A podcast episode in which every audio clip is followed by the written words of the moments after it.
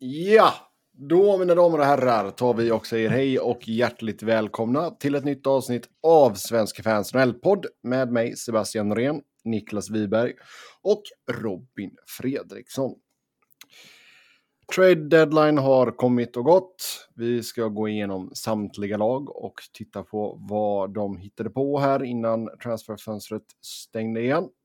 Och, eh, vissa gjorde mycket, vissa gjorde lite.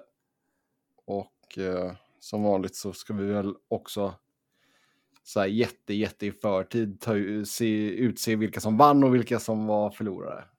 Eh, det är sånt vi brukar Men innan vi gör det så måste vi prata helgens Premier League. Det ska vi inte göra. Det är nattsvart dag här för mig. idag, det för våra favoritlag? Ja, det... det... Nej, för fan. Sällan man jublar så mycket över en vinst mot Bournemouth. Ja, det kan jag förstå. Det kan jag förstå. Låg lite pyrt där. Men, eh, nej, det har varit en, eh, en eh, mörk fotbollsdag här för mig idag. Så det, vi håller oss till hockeyn, tack. Det, annars får jag ta fram både en och två whiskyflaskor. Vad är, det, vad är värst? Att Liverpool vinner med 7-0 mot Man United eller att IFK Göteborg visar liksom nedflyttningsform i princip inför allsvenska säsongen? Alltså, Blåvitt är ju jobbigare med tanke på, som du säger, det... Alltså det...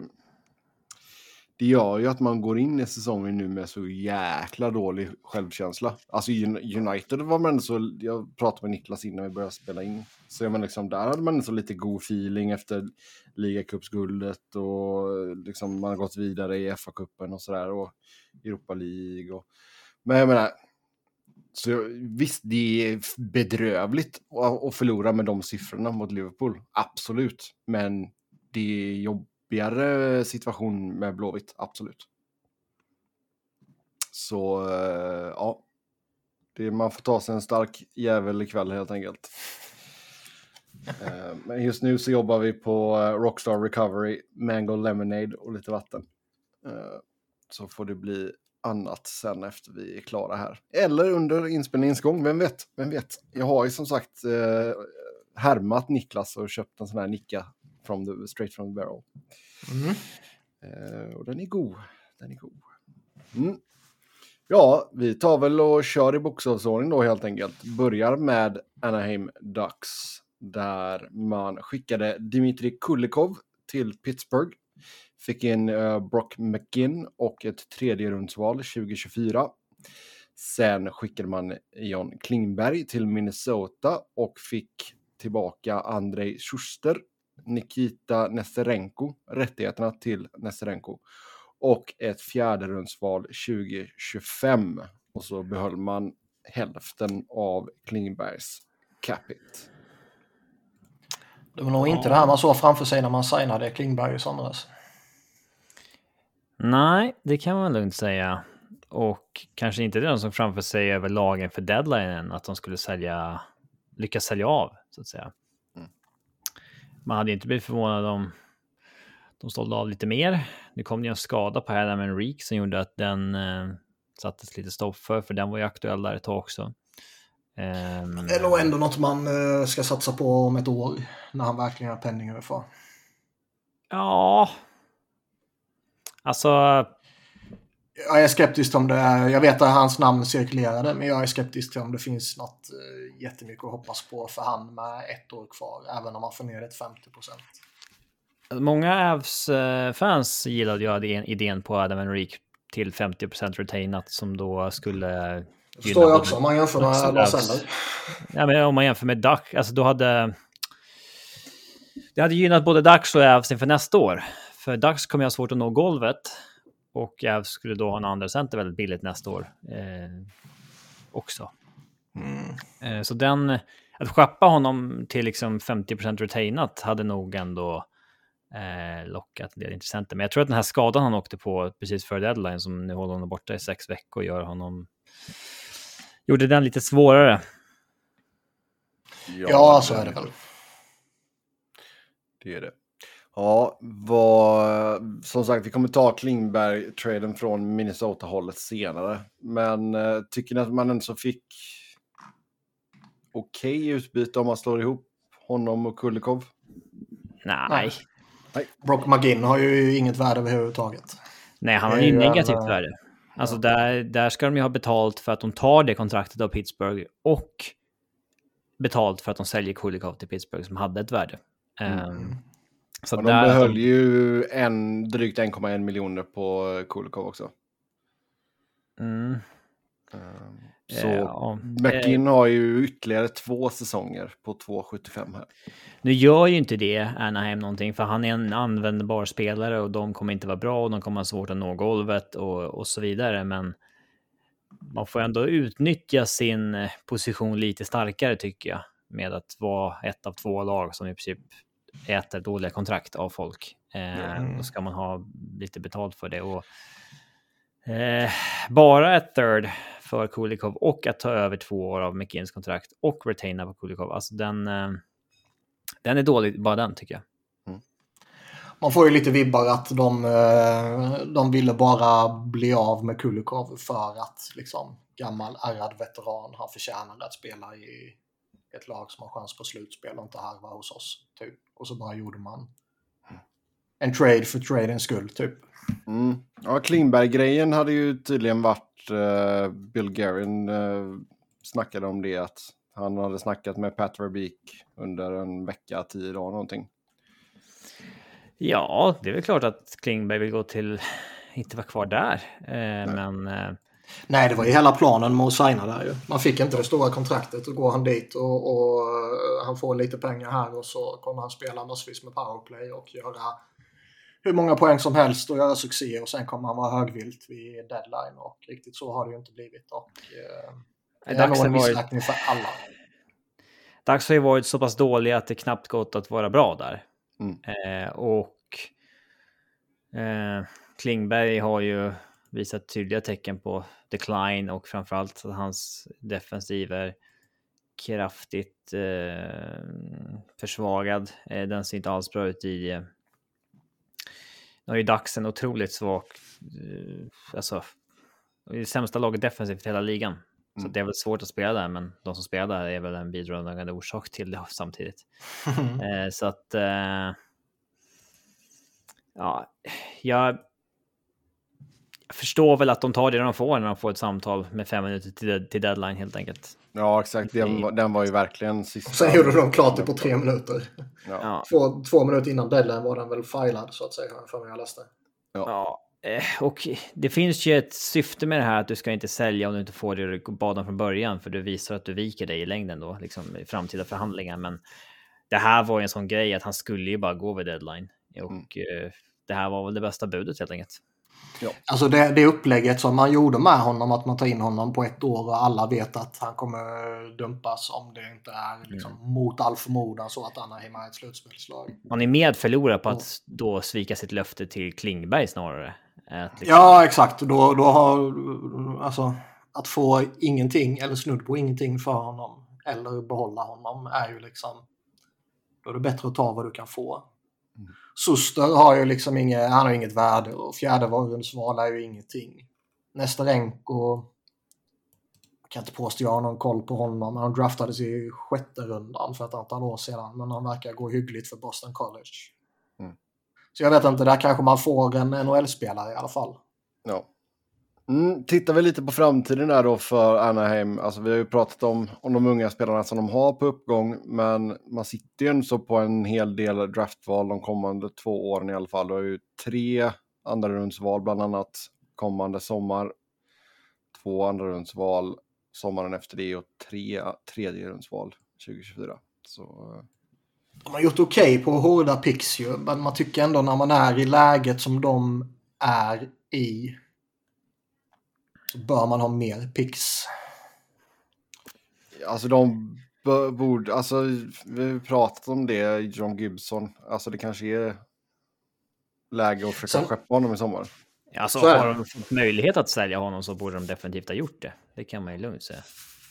Det, sen är väl det kanske en trade som är svår att göra nu. Ska man Ja, kunna är göra den en traden så är det nog en, en sommartrade. Ja. Och som Ja, vi pratade är om, det det var väl... Ja, alltså. Ah, Det är lättare för ett lag att få in honom under säsongen med liksom ackumulerat cap space och så vidare. Eller du behöver ju bara ta den cap som är kvar resten av säsongen. Sen, Mm. kan du, Ja. sen, sen får du lösa det till sommaren helt enkelt. Hur du ska få upp ditt lag då. Mm. det, Jo, men det, hur många är det som har målvaktsbehov också? Liksom? Det var typ ja, var. Vegas. Mm. Men eh, De valde ju visst, Quick. Och eh, i och med att de har Lene på signat så alltså, de vill ju inte sätta sig i samma situation igen med två målvakter på Nej, nej, stora nej. capita. Så att, Ja, men det lär väl säljas av lite mer i sommar från dagshåll. det borde göra så. De behöver samla på sig mer pix i alla fall. Mm. Eh, de borde gärna kunna få någon first rounder till, tycker man. Eh, det var väl det de skulle använda Klingberg till. Ja, det var det väl. Det var väl planen i alla fall. Mm. Japp, då lämnar vi dem därhen och så går vi till Arizona. Som eh, var en del av Patrick Kane-traden från Chicago till New York Rangers. Man eh, gick in och retainade 25% på Kane och för det fick man ett tredjerumsval 2025. Sen skickade man Shane Gostisbehere till Carolina och där fick man ett tredje rundsval 2026. Sen fick vi till slut en Jacob Chikrin trade. Uh, han gick till Ottawa mot ett conditional första-rundsval, conditional andra-rundsval, uh, eh, första-rundsvalet 2023, andra-rundsvalet 2024 och ett andra-rundsval 2026. Sen uh, skickade man John Gillies till Columbus och fick Jakob Voraceks kontrakt och ett sjätte-rundsval 2023. Sen eh, skickade man Nick Bugstad och Cam Denin till Edmonton och fick Michael Kesselring och ett tredjerumsval 2023. Sen bytte man Nick Ritchie och Troy Stetcher till Calgary, fick Nicks brorsa Brett tillbaka samt Connor Mackey. Ja, de, eh, de gjorde väl exakt vad man kan förvänta sig att Arizona gör. Det som de hade av värde eller hyfsat värde dumpade de iväg. Och de eh, var en sån här eh, tredje partner till andra trade för att retaina lite lön där också. Mm. Och så eh, köpte man på sig en eh, en spelare som med all sannolikhet har gjort sin sista NHL-match, verkar det ju tyvärr som, i Ja. Voracek. Och, Ännu en eh, sån. Ja, nu har man ju typ eh, 70 av eh, miljoner av, vad är det, 82,5 är det va? Sådana här skadade spelare typ. Lite lätt överdrivet, men typ. Och eh, det börjar ju gnällas lite över det nu. Eh, Det här att de, de har satt vem det i system. Vad sa du? Vem gnälls det från? Eh, oklart, för jag tror inte att det kommer gnällas från eh, övriga GMs. För det här är ju deras get out of jail card. Ja, När de eh, skriver sina usla kontrakt så behöver de någonstans eh, att kunna dumpa dem. Och det är jag tror ju, inte spelarna eller spelarfacket gnäller heller. Det verkar det här- eventuellt som att det kan komma lite gnäll från spelarfacket. Det nämnde eh, Friedman och Merrick i, i Varför då? på Gardens podd tror jag det var. Att nya deras nya boss, att det är en av frågorna som han ska, ska lyfta. Jag kommer inte ihåg varför. Att ingen ska behöva flytta till Arizona? Ja, men det behöver de inte göra ändå om de är skadade. Liksom. Jag kommer Nej, inte ihåg varf- varför det var, men, men att man... eh, För det här löser ju upp marknaden. Det gör ju att en Kane kan gå till Rangers när han vill det. Och alltså, annars hade det ju inte gått. Det verkar ju också som att de eventuellt ska undersöka det här med tredjepart retainer från ligans håll. För Friedman sa att det var en av de här tradesen de sista veckorna som tydligen hade eh, där ett tredje lag då retainar lön som tydligen ska ha fått folk att lyfta på ögonbrynen och varit lite komplicerade eller känsliga eller vad det nu var. Jaha, vilken kan det ha varit? Ja. Kanske Kane. Mm. Eller O'Reilly. Men uh, ja, Kane verkar ju verkligen ha... Där verkar ju... Miniräknaren har ju behövt komma fram för att verkligen räkna på sista centern nästan för att få, få plats med alla. Ja. Men nu har ju Arizona har ju liksom, de har retainat på eh, Kane och Bjugstad här nu. De har retainat på Ekman Larsson sen tidigare. De har Voracek, Weber, Ladd och Little som uh, uh, ja, denna säsongen ligger på uh, de fyra sista där på nästan 27 miljoner bara. Och man skulle inte bli förvånad om de uh, tar in ytterligare något kontrakt till sommaren sen. Nej. Men de verkar ju vara väldigt noga med att de inte vill retaina bortom nästa år. Mm. Vilket hämmade dem i uh, Chikrin-dealen. Mm. Ja, sen är det väl liksom... Ska de fortsätta göra vad de gör de här kommande åren om man nu ska försöka liksom bygga, bygga om och bygga nytt igen. För här har man ju, här kan man ju snacka om att hårda pix liksom. Det har de ju ja. verkligen gått bra på. De har ju hur många som helst. Men... Jag tänkte komma till det. Ja, vi pallar inte rabbla alla för det är hur många som Nej. Man får in på måste... Cap Friendly och kolla själv. Jag tänkte säga, det roliga är ju att man har fyra andrarumsval 2024 och fyra andrarumsval 2025. Mm. Och det kommer ju bli mer pix antar man. Liksom, för de kommer ju fortsätta göra det här de kommande åren och sälja av det som finns något värde i och sen så kommer de uh, ta på sig några dåliga kontrakt och i, i något fall kan de säkert få eh, något lag till att betala för det också. De kommer fortsätta vara en sån här tredjeparts eh, eh, ja, en tredjepart. En tredjepart och, kommer, ja. och, och, kommer säkert få något, något pröjs för det också. Liksom. Sen är det ju så också att eh, lagen som vill bli av med de dåliga kontrakten vet ju också att de är värda jättemycket för Arizona. Men det verkar ju inte påverka så mycket än. I och med att det är många fler lag som vill sälja kontrakt än vad det är som kan ta emot kontrakt. Oh ja. Så det blir fortfarande en budgivning om att vara den som tar platsen hos Arizona. Mm. Jo, så är det ju. Men liksom som i Columbus fall, att kunna dumpa iväg Jake Voracek och bara betala eh, ett sjätte val för det. Det är ju ingenting. Det gör man ju med glädje. Det är, ja. en, helt annan, det är en helt annan grej om man behöver krydda det med first round eller någonting. Men det, det blir ju en sjätte för att han är skadad. Mm. Ja. Det blir ju inget annat. Alltså hade han varit... Uh, ja. ja, men bara dålig typ. Ja, hade det varit liksom Patrick Marleau sista år som när Detroit, eller Leafs fick ge upp ett första. Liksom. Mm. Men det var ju marknaden den sommaren, liksom, med tanke på hur många som ville bli av med kontrakt då och så där. Så det är svårt att jämföra dem. Liksom. Så är det. det måste finnas supply and demand. Ska man vara nöjd med Chikrin-traden då? Jag tänkte säga det. det. Jag tror att priset var nog högre för eh, till exempel Kings än vad det var för Ottawa. Sa inte Pagnotta vad Kings erbjöd? Björnfoto två första. Jag, det har jag inte koll på faktiskt. Björnfoto två första sa han. Ja. de är ju dumma i huvudet om de inte tar det ju. Ja, det har ju tagit det. Istället för ett första och två andra. Ja. Ja, fast samtidigt. Ottawas pix har ju lite större chans att vara högre också. Alltså. Men visst. Eh, Ottawa blir ju ett bättre Kings lag. Verkade ju, Kings verkade ju väl ha varit i behov av att de retainade bortom Mm. Och det, det verkar ju inte eh, ownership sagt ja till. Nej.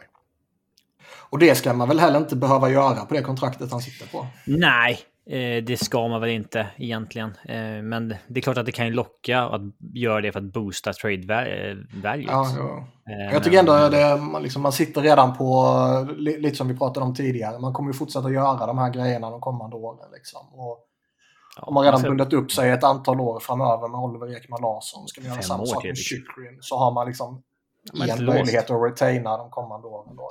Eh, ja, det kan jag... Det är inte bra.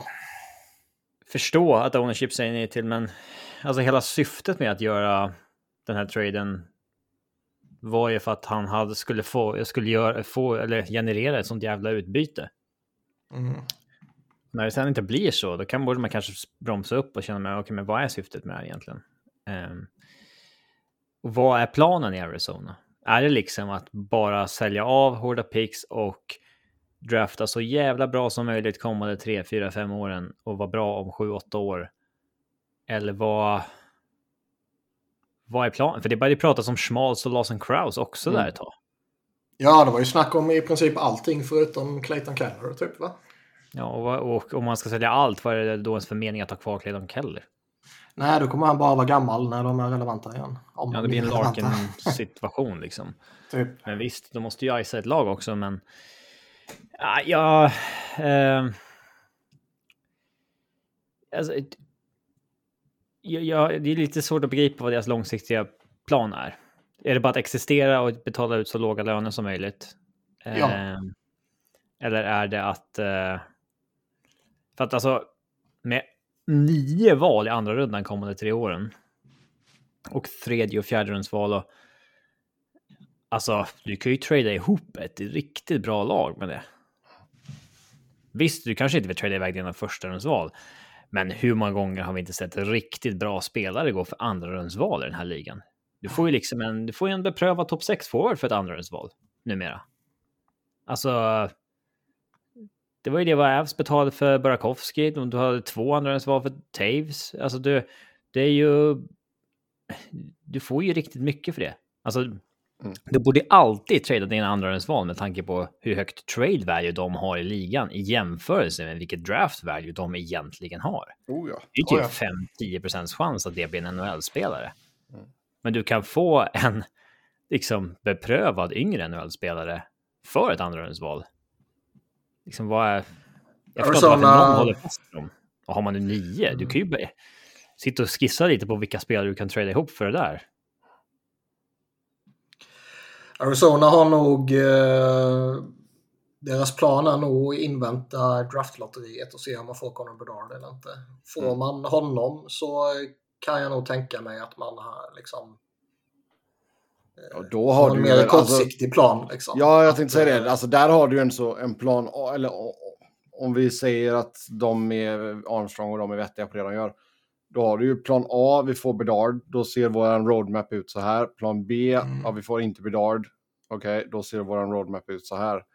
Eh, men ja, alltså, och ni, som du säger, nio andrarumsval de kommande tre drafterna. Liksom, det, det känns som att där ska man nog försöka trada bort några av dem. Faktiskt. Ja, sen är det väl lite så, liksom, får man Bedard då, då står han ut. Men även om man får Fantilli eller Karlsson eller Mishkov eller någon sån där som väntas gå bakom honom så... Det är svårt om man är till draftnörd att veta vad de är liksom. Alltså det... All, alla, de fy, alla de fyra är ju exceptionella talanger. Med där Bedard står ut eh, extra givetvis. Men, Absolut, men det är så svårt att veta för oss som jag- inte är draftnördar liksom vad, om det är en Shane Wright Ja. eller en liksom det. För Shane Wright var ju liksom. Är i, är i princip Conor McDavid-hype kring alla de här ett tag. Mm. Jo, jo. Sen så blir det lite mer tydligt när man närmar sig draften kanske om det verkligen är det eller inte liksom. Men Mm. ja, Men känslan här och nu för, för oss som sitter vid ett skrivbord och, och killgissar lite är ju att eh, får man Bedard så blir det en helt annan eh, kortsiktig plan än om man inte får honom. Mm.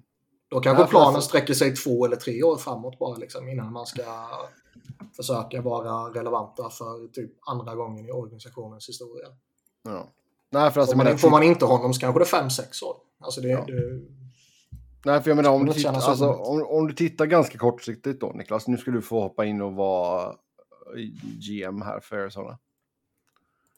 Ja, det skulle vara bättre än de nuvarande klubbarna. Alltså, Även om jag vi- tycker Armstrong har gjort det liksom hyggligt under förutsättningarna. Typ. alltså han är ju... gjort svårt att veta vad direktiven är, men Nej. är direktiven att sälja av allt, är det hans masterplan, då är man lite skeptisk. Men är direktiven att det är det här du ska göra, då har han väl gjort det med bravur tycker jag. Ja. Ehm, Men liksom, vil- vilka spelare här tycker ni så skulle, liksom, skulle ni ändå så vilja ha kvar när laget är klart? Så att säga. ja, men det är väl inte något problem med att ha... Clayton Keller. Clayton Keller, Nick Schmaltz, Lawson Krause, alltså det, det är väl ingen problem att bygga lite kring dem, Barrett Hayton. Ehm, sen alltså så här djupspelare, sånt, det är ju bara... Mm. Allt sånt är ju ersättningsbart. Det är väl inget... Eh, men sen om man tittar på en plan på okej, okay, hur, om hur lång tid är Arizona relevanta? Eh, alltså, då får man ju liksom överväga. Är det vettigt att behålla Schmalz på fyra år eller ska man passa på att trada honom nu innan han har en liksom dålig säsong och så helt plötsligt kontraktet otradebart eller whatever liksom. Mm. Mm. Ja. Men jag tycker väl att de får. De får ju bra värde för det de eh, sålde av den här deadlinen. Alltså visst. Du,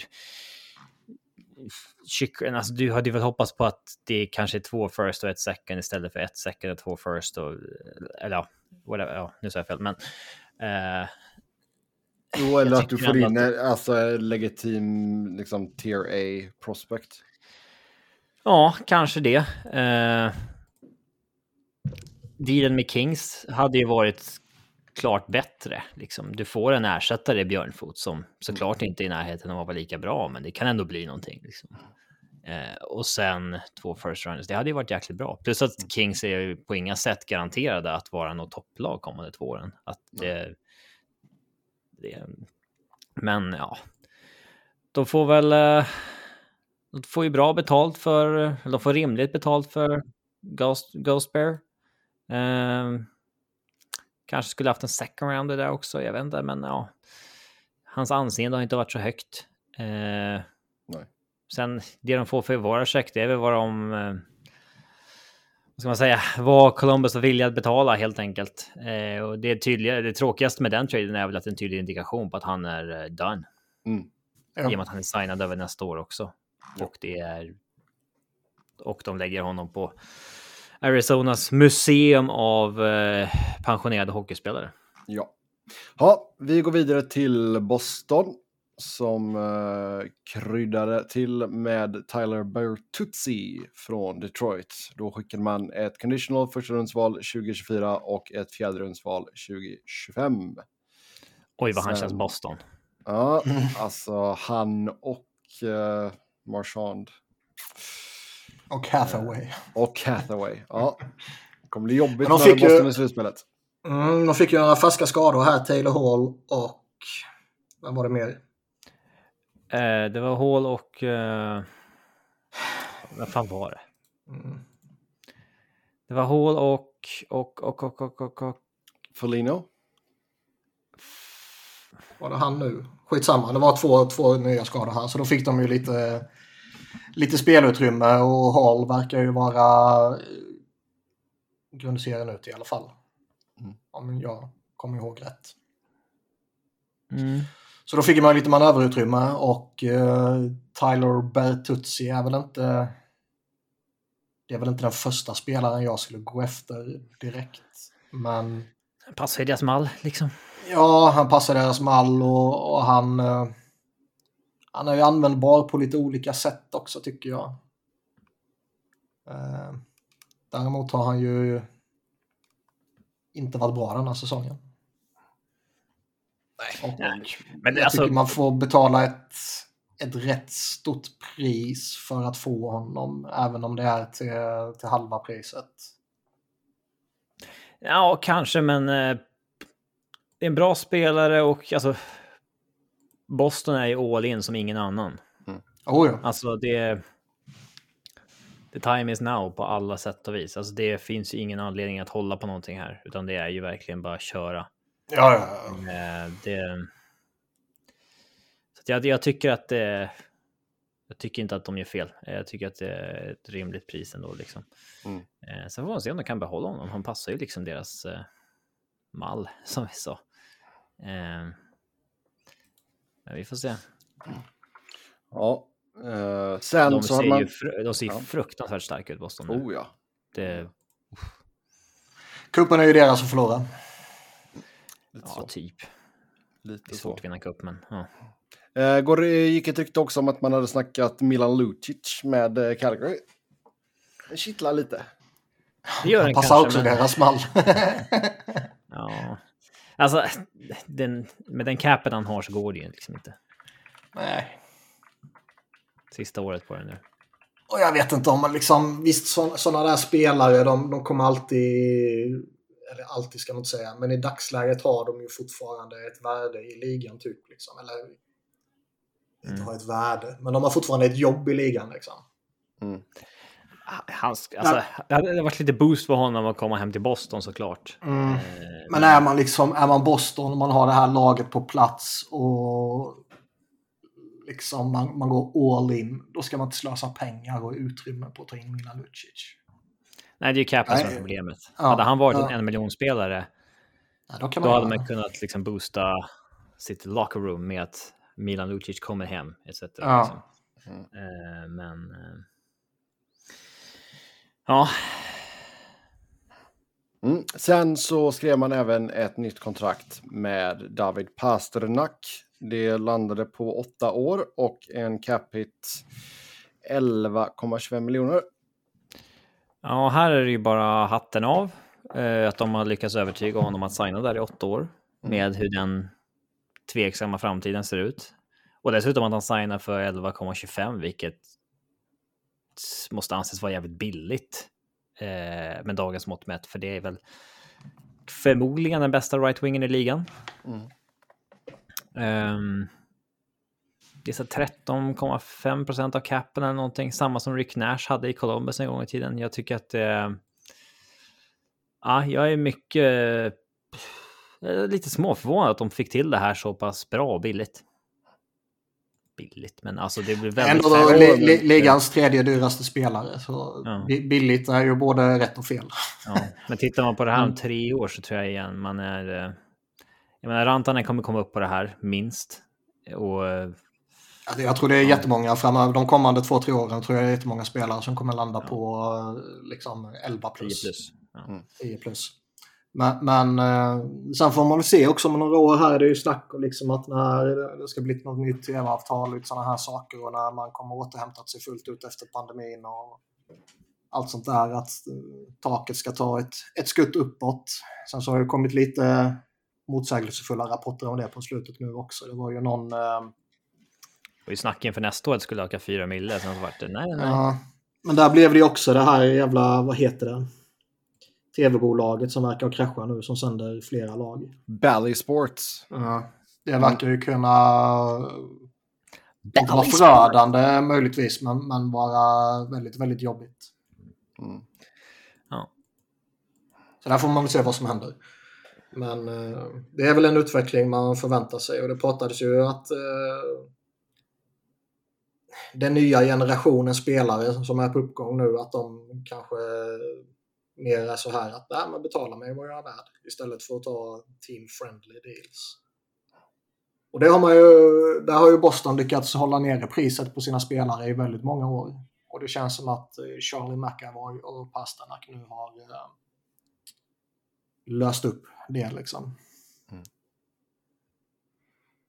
mm. Ja, som sagt, det är ju...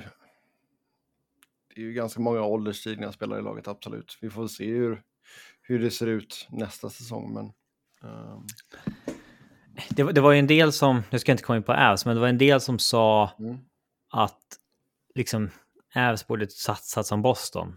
Alltså liksom gått så, the time is now, sista året med Kinnens kontrakt, bla bla bla. Men jag tycker det är en jävla skillnad. gjorde man ju typ i fjol. Ja, men det är en jävla skillnad på att ha en core som är 25 eller 35 om man ska gå all, all Alltså, Avs kommer ha fler svingar till på det liksom. oh ja. De kan ju inte trada allt de har varje år. Liksom. Alltså det, eh, så att eh, jag, jag... Men Boston, alltså där, go for it liksom. ja. Vem- Alltså vem fan är deras första center nästa år liksom? Charlie Coyle eller? Ja, Alltså, vinner man i år så är det väl tack och adjö för Bergeron.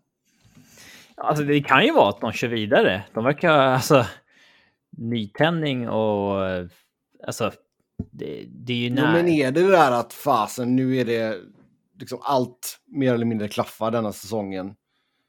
Mm. Får vi något sagoavslut där så säger nog både Bergeron och Krejci tack och adjö va? Rida in i solnedgången med kuppen är ju, det är väl det Den är fin. veteraner drömmer om. Liksom. Ja, Ja, har vi pratat om att ni gjorde Orlov-traden också eller? Gjorde vi det förra Ja, den, kom, den kom ju mitt under podden här för mig. Ja, just det, det var den som Eller, pre, eller precis innan. ja, den skedde i början där på den vet jag. Mm. Men han har fått en väldigt bra start. Ja, kan man lugnt säga. Mm. Så nej då, de ser livsfarliga ut verkligen. Så ja, det om Boston. Vi går till uh, Buffalo. Där uh, skickade man Riley Stillman till Vancouver, fick Josh Bloom. Sen tradade man till sig Jordan Greenway från Minnesota, skickade ett andrarumsval i sommar och ett femterumsval 2024. Sedan uh, skickade man Rasmus Asplund till Nashville och fick ett sjunderumsval 2025. Eh, Jordan. Greenway har alltså ett relativt stort värde. Ja, tydligen. Alltså det, det, det är väl det här klassiska hockeygrejen. Han är ju en ganska medioker spelare, men... Men han är stor och han kan flänga runt lite. Ja, en riktigt stökig dåre liksom. Eh, det, och det har väl något värde liksom, även vi som inte eh, köper in den grejen fullständigt kan väl säga att det har ett värde liksom. Men eh, ja. han, han tjänar ju liksom för bra redan nu. Och, eh... Men du vet, det var ju snack om eh, med JVR, liksom, att Minnesota var ett av alternativen. Och så kom det fram något, någon, eh, någon uppgift om att man diskuterade JVR till Minnesota och att Jordan Greenway skulle vara spelaren som går i utbyte då istället för att Flyers skulle retaina på JVR. Mm. Det, så, så, att planen var flippa Greenway mot JVR? Ja. Mm. vems plan det var från vilken, vilket håll så att säga, det är väl oklart. Men det skulle väl inte förvåna om det var Chuck med tanke på att han bara vill eh, trada eller ta in Minnesota-spelare. Och dessutom ja, sådana här som bara... Mallen. Den mallen. ja. Men mm. jag, jag gillade Greenway för när han kom fram. Liksom. Jag tyckte det var en intressant spelare. Jag har pratat om honom tidigare. Han hade något JVM där han var väldigt eh, spännande tycker jag. Ja, men och jag menar, då, då var det ju lite av en annan grej också med tanke på att han hade den spelstilen och den hyddan och allting som han hade så stack ju det ut mm. på ett helt annat sätt i juniorhockeyn mm. också. Sen har han inte lyckats eh, transformera den in till NHL-nivå utan han har ju blivit något, något mer mediokert på, på NHL-nivå. Ja, han är ju... Alltså, han ska ju inte tjäna tre mil och ha term. Liksom. Alltså, den mm. typen av spelare är han inte. Sen har jag haft en... Sen har jag ju producerat lite bättre tidigare år än i år, men... Mm.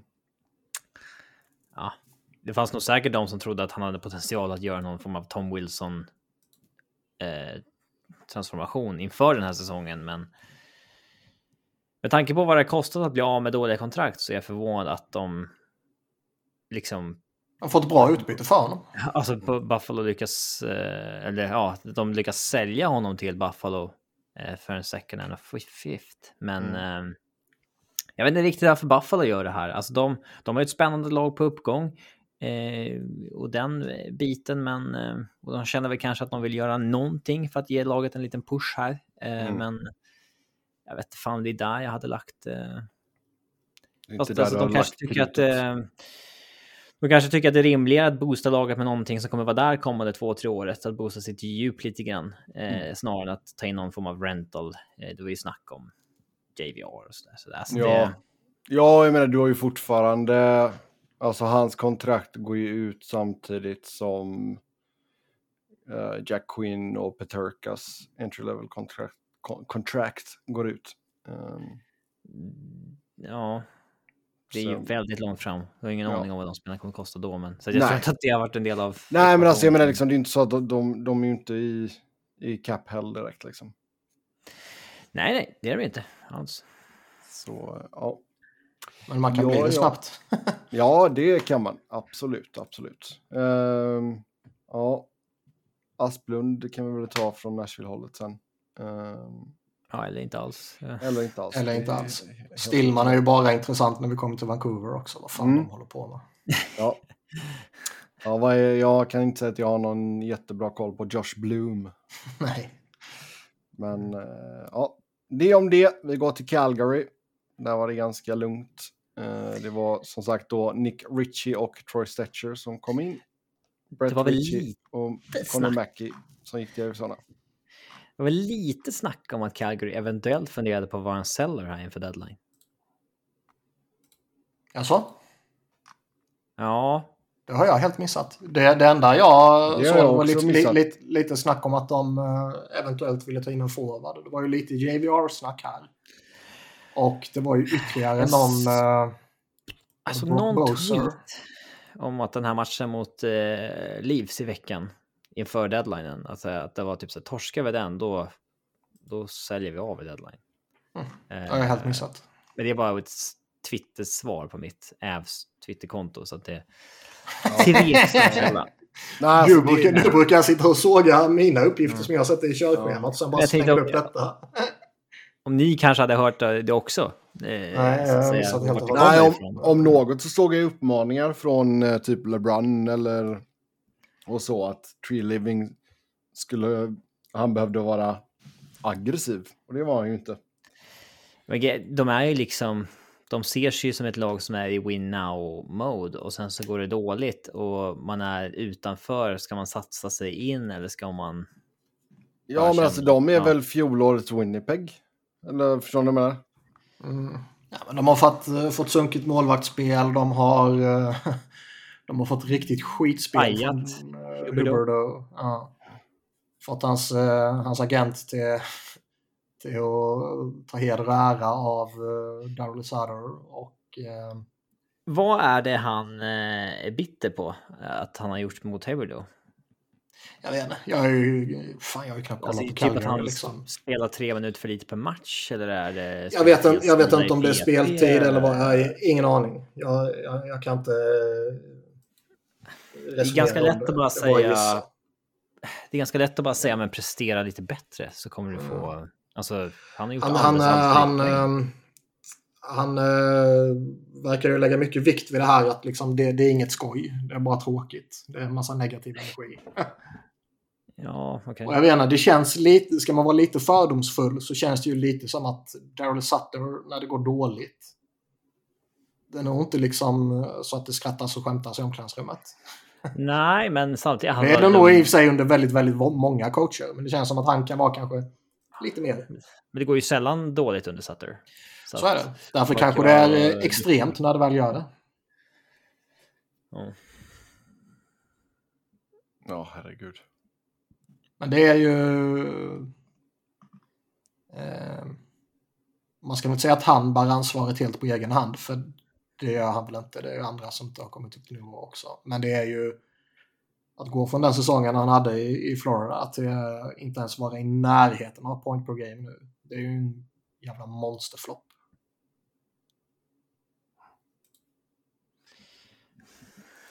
Och är det inte så att han spelar halvt sönderkörd så...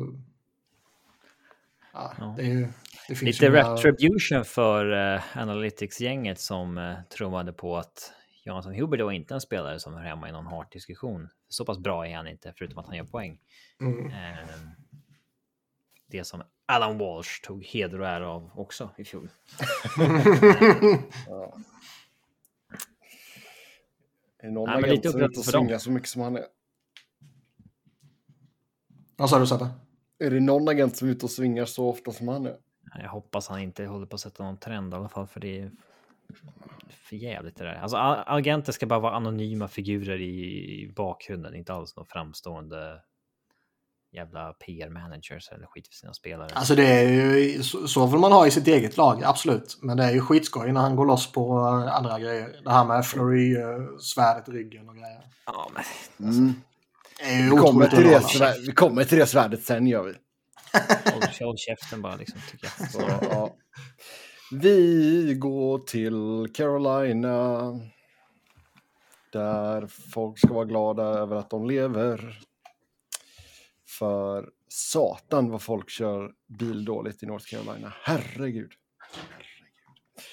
Shane Gostis-Bear och Jesse Puljujärvi in. Man skickade då ett tredjerumsval 2026 till Arizona för Ghost och sen skickade man Patrik Puistolla till Edmonton.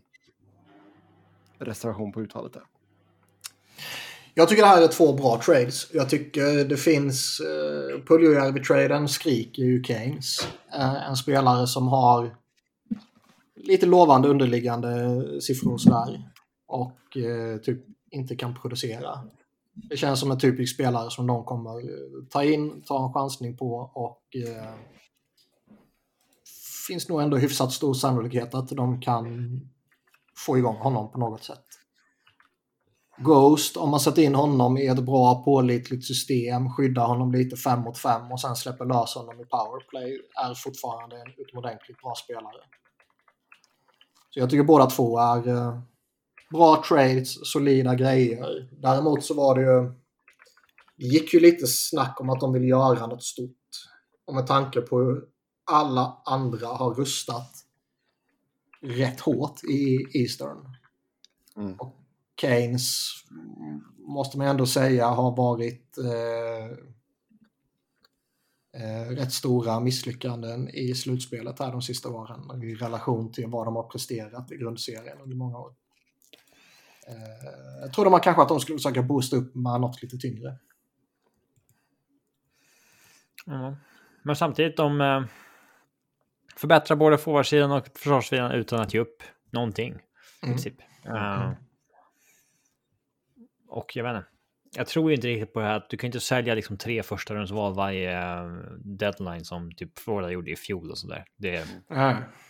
Um, Sen kan, gjort sen, kan, sen, ja. sen kan man väl också vara, vara sådär om man är Keynes liksom att eh, man ser hur eh, Boston offrar allt liksom. Man ser hur Toronto nästan offrar allt. Man ser hur Tampa slänger 17 picks till Nashville. Ja, visst. Man ser hur, eh, vad har vi mer haft för några i Eastern som har eh, New Jersey har boostat, Rangers har boostat liksom. Mm. Islanders gick efter Bosse Horvath och lite sånt här. Det, man kanske bara inser att nej, det kanske inte är i år vi ska slänga ut våra assets. Nej, exakt. Pick your fights, så att säga. Ehm, och jag menar, deras core är, den är ju under kontrakt och allting också, så det...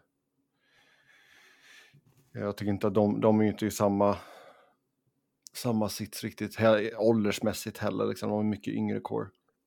Ja, och jag tror, jag tror mycket väl alltså det, det de har på plats nu, det är klart att det kan vinna kuppen. Mm. Helt övertygad om. Ehm, så det är kanske inte så att man nödvändigtvis behöver gå ut och handla något stort och göra en blockbuster, men eh, lite, lite förvånande att man liksom inte eh, lurades med eller lockades med eller vad man nu vill säga när alla andra gick ut så jättehårt. Men visst, Ja, Kings alltså- är kanske lite för smarta för det också. Det får Kanske. slutspelet visa. Ja, absolut. Men det är som du Intressant, säger där, alltså, jag, eh, jag tror att det är lätt att du rycks med där. Alltså, nu ser man bara, de gör det, de gör det, de gör det. Bara, uh. Mm. En intressant som jag inte, jag kommer inte ihåg om det var liksom ett bona fide rykte eller om det var spekulationer eller någon som eh, spottade på sina bollar. Men eh, tydligen ska de ju typ ha kollat läget lite angående Tony D'Angelo. Och i så fall typ liksom, ja men kan ni ju retaina lite och så kan vi liksom skicka tillbaka någonting till er så tar vi tillbaka honom. Det skulle också vara hyfsat förnedrande för eh, Chuck, Fletchers, Fle- eh, Chuck Fletchers kompetens. Mm. Ja, så- ja. Tänk på Till- den termen han har så. Ja, Ja, Chicago, där skickade man ju då Patrick Kane till uh, New York Rangers. Uh, du fick in eh, uh, Willi Sarjärvi, uh, Andy Velensky, andra rundsval 2023, fjärde rundsval 2025. Sen uh, skickade du Max Domi och Dylan Wells till Dallas. Fick in Anton Sjurobin och ett andra rundsval 2025. Sen skickar du Jake McCabe och Sam Lafferty tillsammans med ett femterumsval 2024 och ett femterumsval 2025 till Toronto och får tillbaka Joe Anderson, Pavel Gogolev, conditional första-rundsval 2025 och ett andra-rundsval 2026. Du skickar eh, Jack Johnson till Colorado och får in Andreas Englund. Man gjorde ju lite som det var i Arizona så gjorde man ju exakt lite eller likadant vad alla förväntade sig typ. sälja av det som har ett värde och eh, se till att mönstra det sämsta laget under lönetakseran. För deras Ja, alltså- nu är... Eh, Alltså på pappret är man väl typ sämre än Arizona eller? eh, ja, det är man väl i tabellen också. Det... Lite förvånande, alltså sa, sades det någonting om greken? Jag kan inte minnas att man har sett något om honom. Nej. Ja, ja. Men Ja, alltså, eh, de, de sålde ju av allt de hade förutom Jonathan Taves och han eh, gick ut inför deadline och sa att eh, nej, det kommer inte bli någon trade på grund av min hälsa. Typ. ja. Eh, Mm. Och då liksom... Det blev ju lite Claude Giroux situation med Patrick Kane där det i slutändan bara var eh, en destination för honom och man ville verkligen eh, låta honom gå också. Då, då blir det ju vad det blir där. Det är klart att det är ett, ett jätteovärdigt byte för honom om man bara tänker på vilken vilken star power och vilken aura han har och, och allt sånt där. Liksom. Sen har han ju haft sina problem denna säsongen. Men vi kan väl prata om han mer när vi kommer till Rangers. ja. Jag tycker däremot man, man gör det väl okej här med Jake McCabe. Man får retaina lite på honom. Man hade en, eh, en hyfsat attraktiv asset i Lafferty. Och eh, få in lite fler picks där är väl bara bra. Man får in någon pick för Domi så här. Så det, de fortsätter också att hårda picks och de har ju de har också ett antal picks här nu. De har ju två första rumsval eh, de kommande åren här väl. Ja, kommande tre åren. De Ja. tre. Och sen så ytterligare i andra och tredje rundan där också. Så de, Mm. de, eh, de har väl också ju omfamnat sina rebuild-planer. Sen kan även de påverkas rätt stort efter draftlotteriet. Men eh, när det bara kommer till att rensa ut och få in picks så har ju Chicago gjort det på ett väldigt effektivt sätt. Eh, Sen är det som vi brukar säga, det är nu när man ska börja bygga upp som det svåra börjar. Oh, ja. Och man får väl se om Chicago blir relevanta igen under Seth Jones eh, kontrakttid. Men de har några år på sig. ja, det kan man inte säga. Mm. Vad ska vi se här nu? Max Domi får ju också okej tycker jag. Alltså Mm. visst, han har varit deras toppscorer i år, men alla har ju sett Max Domi i så många år nu att man vet ungefär vad han är. Och han är inte värd mer än en second round vid deadline. Nej, och även i de dåliga lagen så är det ju någon som måste göra poängen typ. Ja. Mm. Så att, eh, ja, det är väl bra. Ja, då går vi till regerande mästarna Colorado. Och som sagt, man tradade till sig Jack Johnson från Chicago mot Andreas Englund. Och sen eh, tog man in Lars Eller från Washington. Där skickar man ett andra rundsval 2025. Och ja du, Robin, varför tar man tillbaka Jack Johnson? Kan vi börja med det? Eh, han verkar vara jävligt populär liksom. Som eh, God gubbe. teammate, liksom. Alltså. så- Det är väl ganska klassiskt att lag går en sån här fälla också av att de kör ner sig i spelarna de vann med. Eh, så är det ju. Sen vet jag inte varför de inte bara då behöll honom i somras. Alltså. Visst, han fick 950k av Chicago. Jag vet inte om Navs kanske erbjöd 750k och så valde han pengarna. Liksom. Han har ju en nystart ekonomiskt. Ja, jo, jo. Eh, Han så behöver att- ju alla dollar han kan få. Ja, eh, men sen så... Jag vet inte. Alltså sen... Det är väl inget problem att skicka iväg Andreas Englund. Han har ingen framtid. Nej, det är inte så att man gjort Ja, någonting för att ta in eh, Jack Johnson. Det är en annan sak man skickar iväg ett hyggligt pick ju. Ja, då hade man ju blivit med. Jag hade ju hellre gett- ge upp Englund än ett sjätterumsval liksom. Ja. Men vi- visst, det är, Englund är ju en klart bättre spelare än Jack Johnson, så det är ju lite... Det är lite märkligt så, men eh, o- om coacherna inte litar på Englund, vilket de har visat senaste matcherna, då och de litar på Jack Johnson, då. då är det väl användbart för dem. Mm. Men det är väl om, ingen big deal egentligen, men om Eric Johnson är, i speldugligt skick till slutspelet så kommer han ju inte spela överhuvudtaget. ja, det bygger på att Eller om de andra är friska också Ja. givetvis. ja, är de friska Då- så då är, är- då är han väl sjua? Watson- Ja, eller åtta. Mm. Det är väl han eller Brad Hunt som är 7-8. Mm. Eller McDermid eh, om de nu ser honom som back först och främst. Men han har inte spelat sedan han fick eh, slag i ansiktet av eh, Milan Lucic. Första fighten jag sett McDermid torska. Mm. Jag skulle inte heller spela matcher efter ett slag i ansiktet av Milan Lucic. Så... Nej, Mm. inte jag heller. Sen då Lars Eller. Ja, det var lite... Alltså... As vill jag ha in en center. Eh, många trodde väl att de skulle gå efter en mer liksom bona fide andra center. Eh, men direkt när Lars Eller kommer in så säger Gerard Brednor att ah, han blir en perfekt tredje center för oss. Mm. Eh, jag vet inte. Det fanns inte så mycket till andra centrar på, på, marknaden liksom. Ehm, och sen så har ju JT Confer spelat center och haft ett väldigt bra år med 42 poäng på 60 matcher. Så jag var lite kluven till det här. Alltså.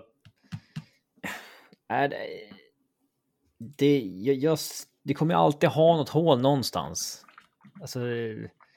Många säger så här att du, du kan inte gå in i ett slutspel med JT Confer som andra center. Det är ovärdigt om du är contender typ så här. Men i en lönetagsvärld så kommer du alltid ha någonting någonstans som inte är liksom contendermässigt. Mm. Så är det ju liksom. Och Så är det. Det är bara lite anmärkningsvärt att det är centerpositionen med tanke på vilken betydelse den ändå borde ha. ja, ja Men visst. här, här har man väl prioriterat att boosta upp försvaret. Ja, eh, så är det. Och eh, jag menar om JT Confer är din andra center och han liksom flankeras av Rantanen och Valerin Turskin, då är det ju liksom eh, Doable. Det är ju en grym andra line. Sen om det är ett center som råkar vara den tredje länken eller inte, det, det är väl inte så jävla viktigt liksom. Ehm, men eh, ja, Men Lars samtidigt, Eller liksom, så- visst, La- Lars Eller, han kanske har ett sista dödsryck i sig liksom. Eh, man är väl lite skeptisk till det, men konstigare saker har ju skett. Men, Nej, men vi kompetenta satt- tredje centern liksom. Det är väl det. Mm. Men vi satt precis och vilket lag det nu var, Arizona var det väl, och pratade om vilket värde man kan få ut av en second rounder i en trade. Mm. Man tycker jag slänger iväg en second rounder och bara får Lars Eller. Ja, det, alltså det är det. Jag har inget problem med att man tar in Lars Eller. Eh, för att liksom ha en till center så att man inte måste spela Ben Myers som ja, var den här stora collegevärvningen som inte håller NHL-klass. Eh, Mm.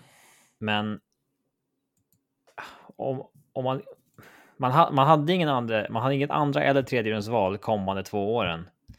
Ska man då börja gräva i 2025-lådan Mm.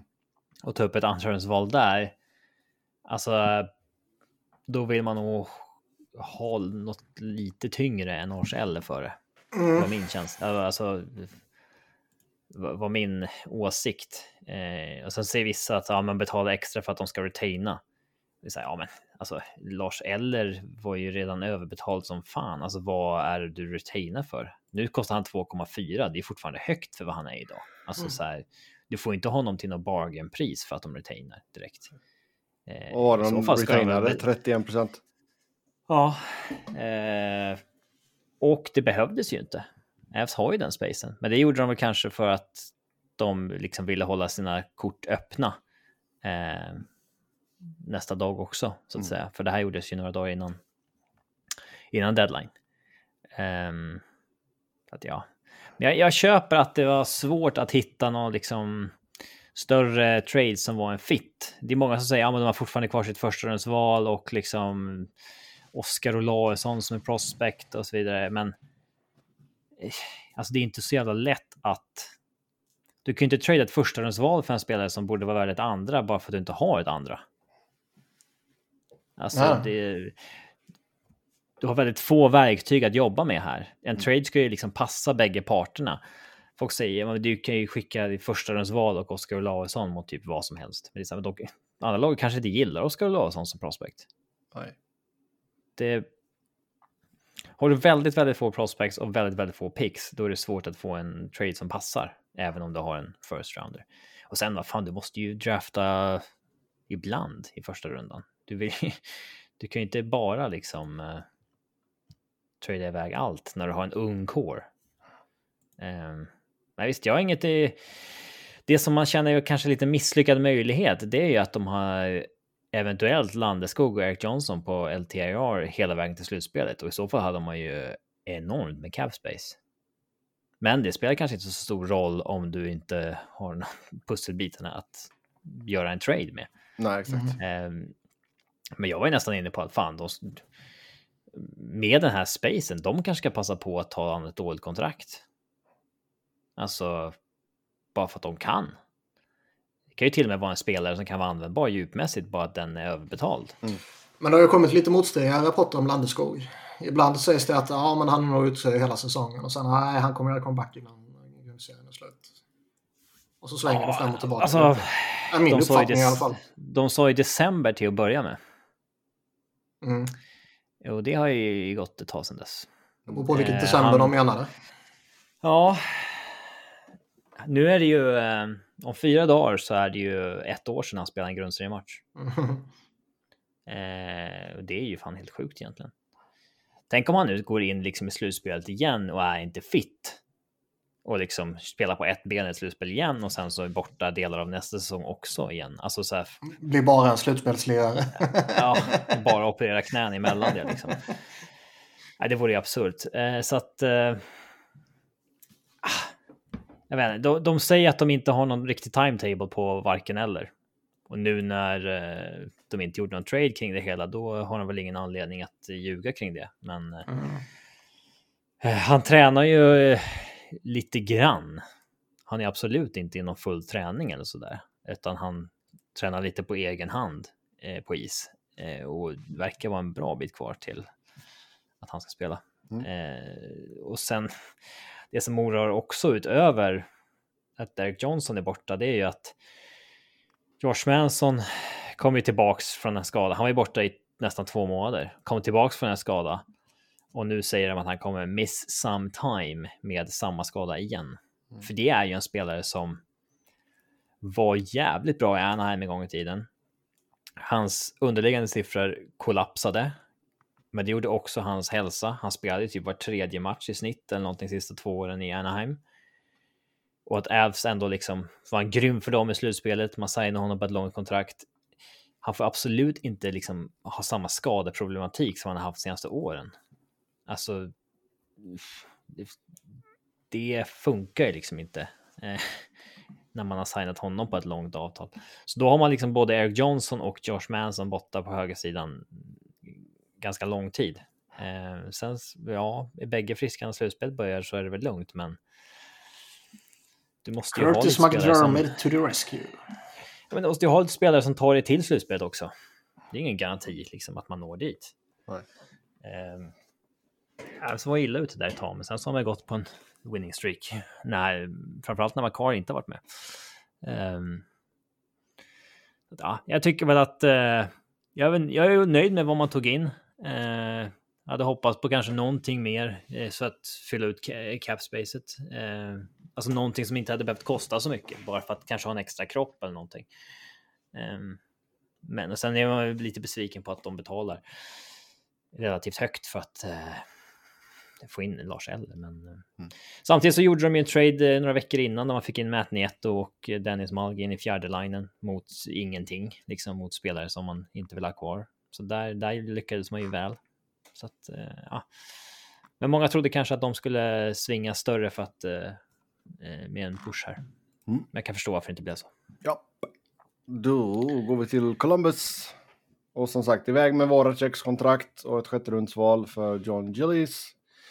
Eh, man skickar även Gustav Nyqvist till Minnesota i utbyte mot ett femterumsval 2023.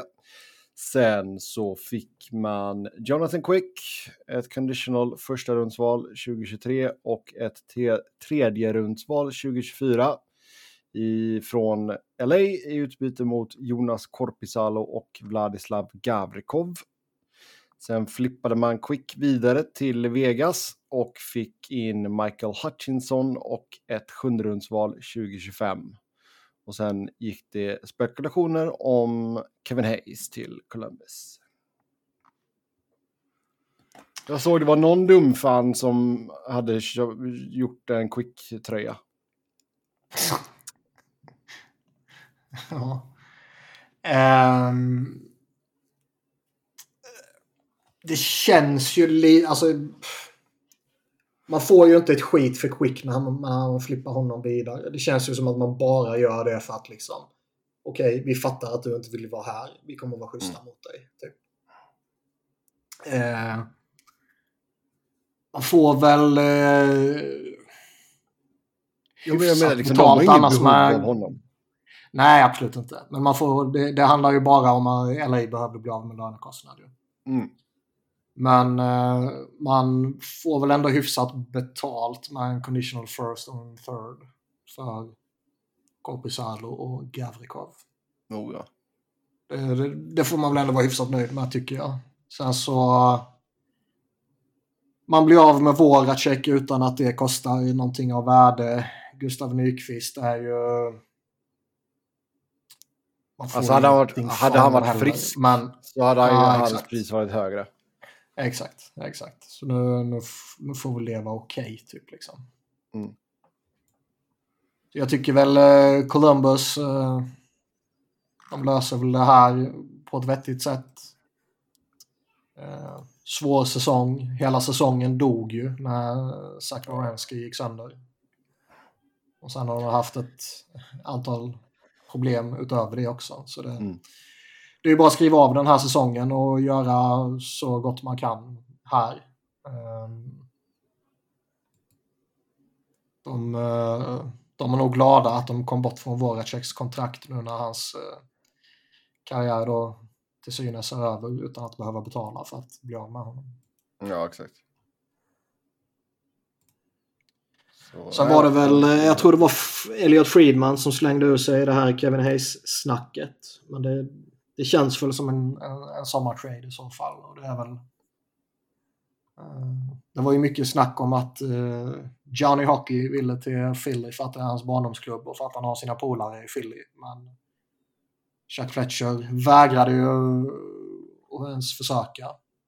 Och, uh, så då får Jarmo träda till sig några polare? Då är det bättre att slänga Kevin Hayes dit ja. Mm. Ja, ja. Ja, vi får väl se här. Som sagt, säsongen gick ju inte alls som Columbus hade hoppats på. Eh, för det, är man friskast så bör man ju vara mycket mer slagkraftig än vad man har varit helt enkelt. Ja, ja man har väl lite sådana små, små vibbar som jag kanske egentligen inte baserar någonting på förutom någon lite udda känsla sådär. Att de, de kommer nog eh, försöka sig på någon, eh, någon liten större grej till, till sommaren.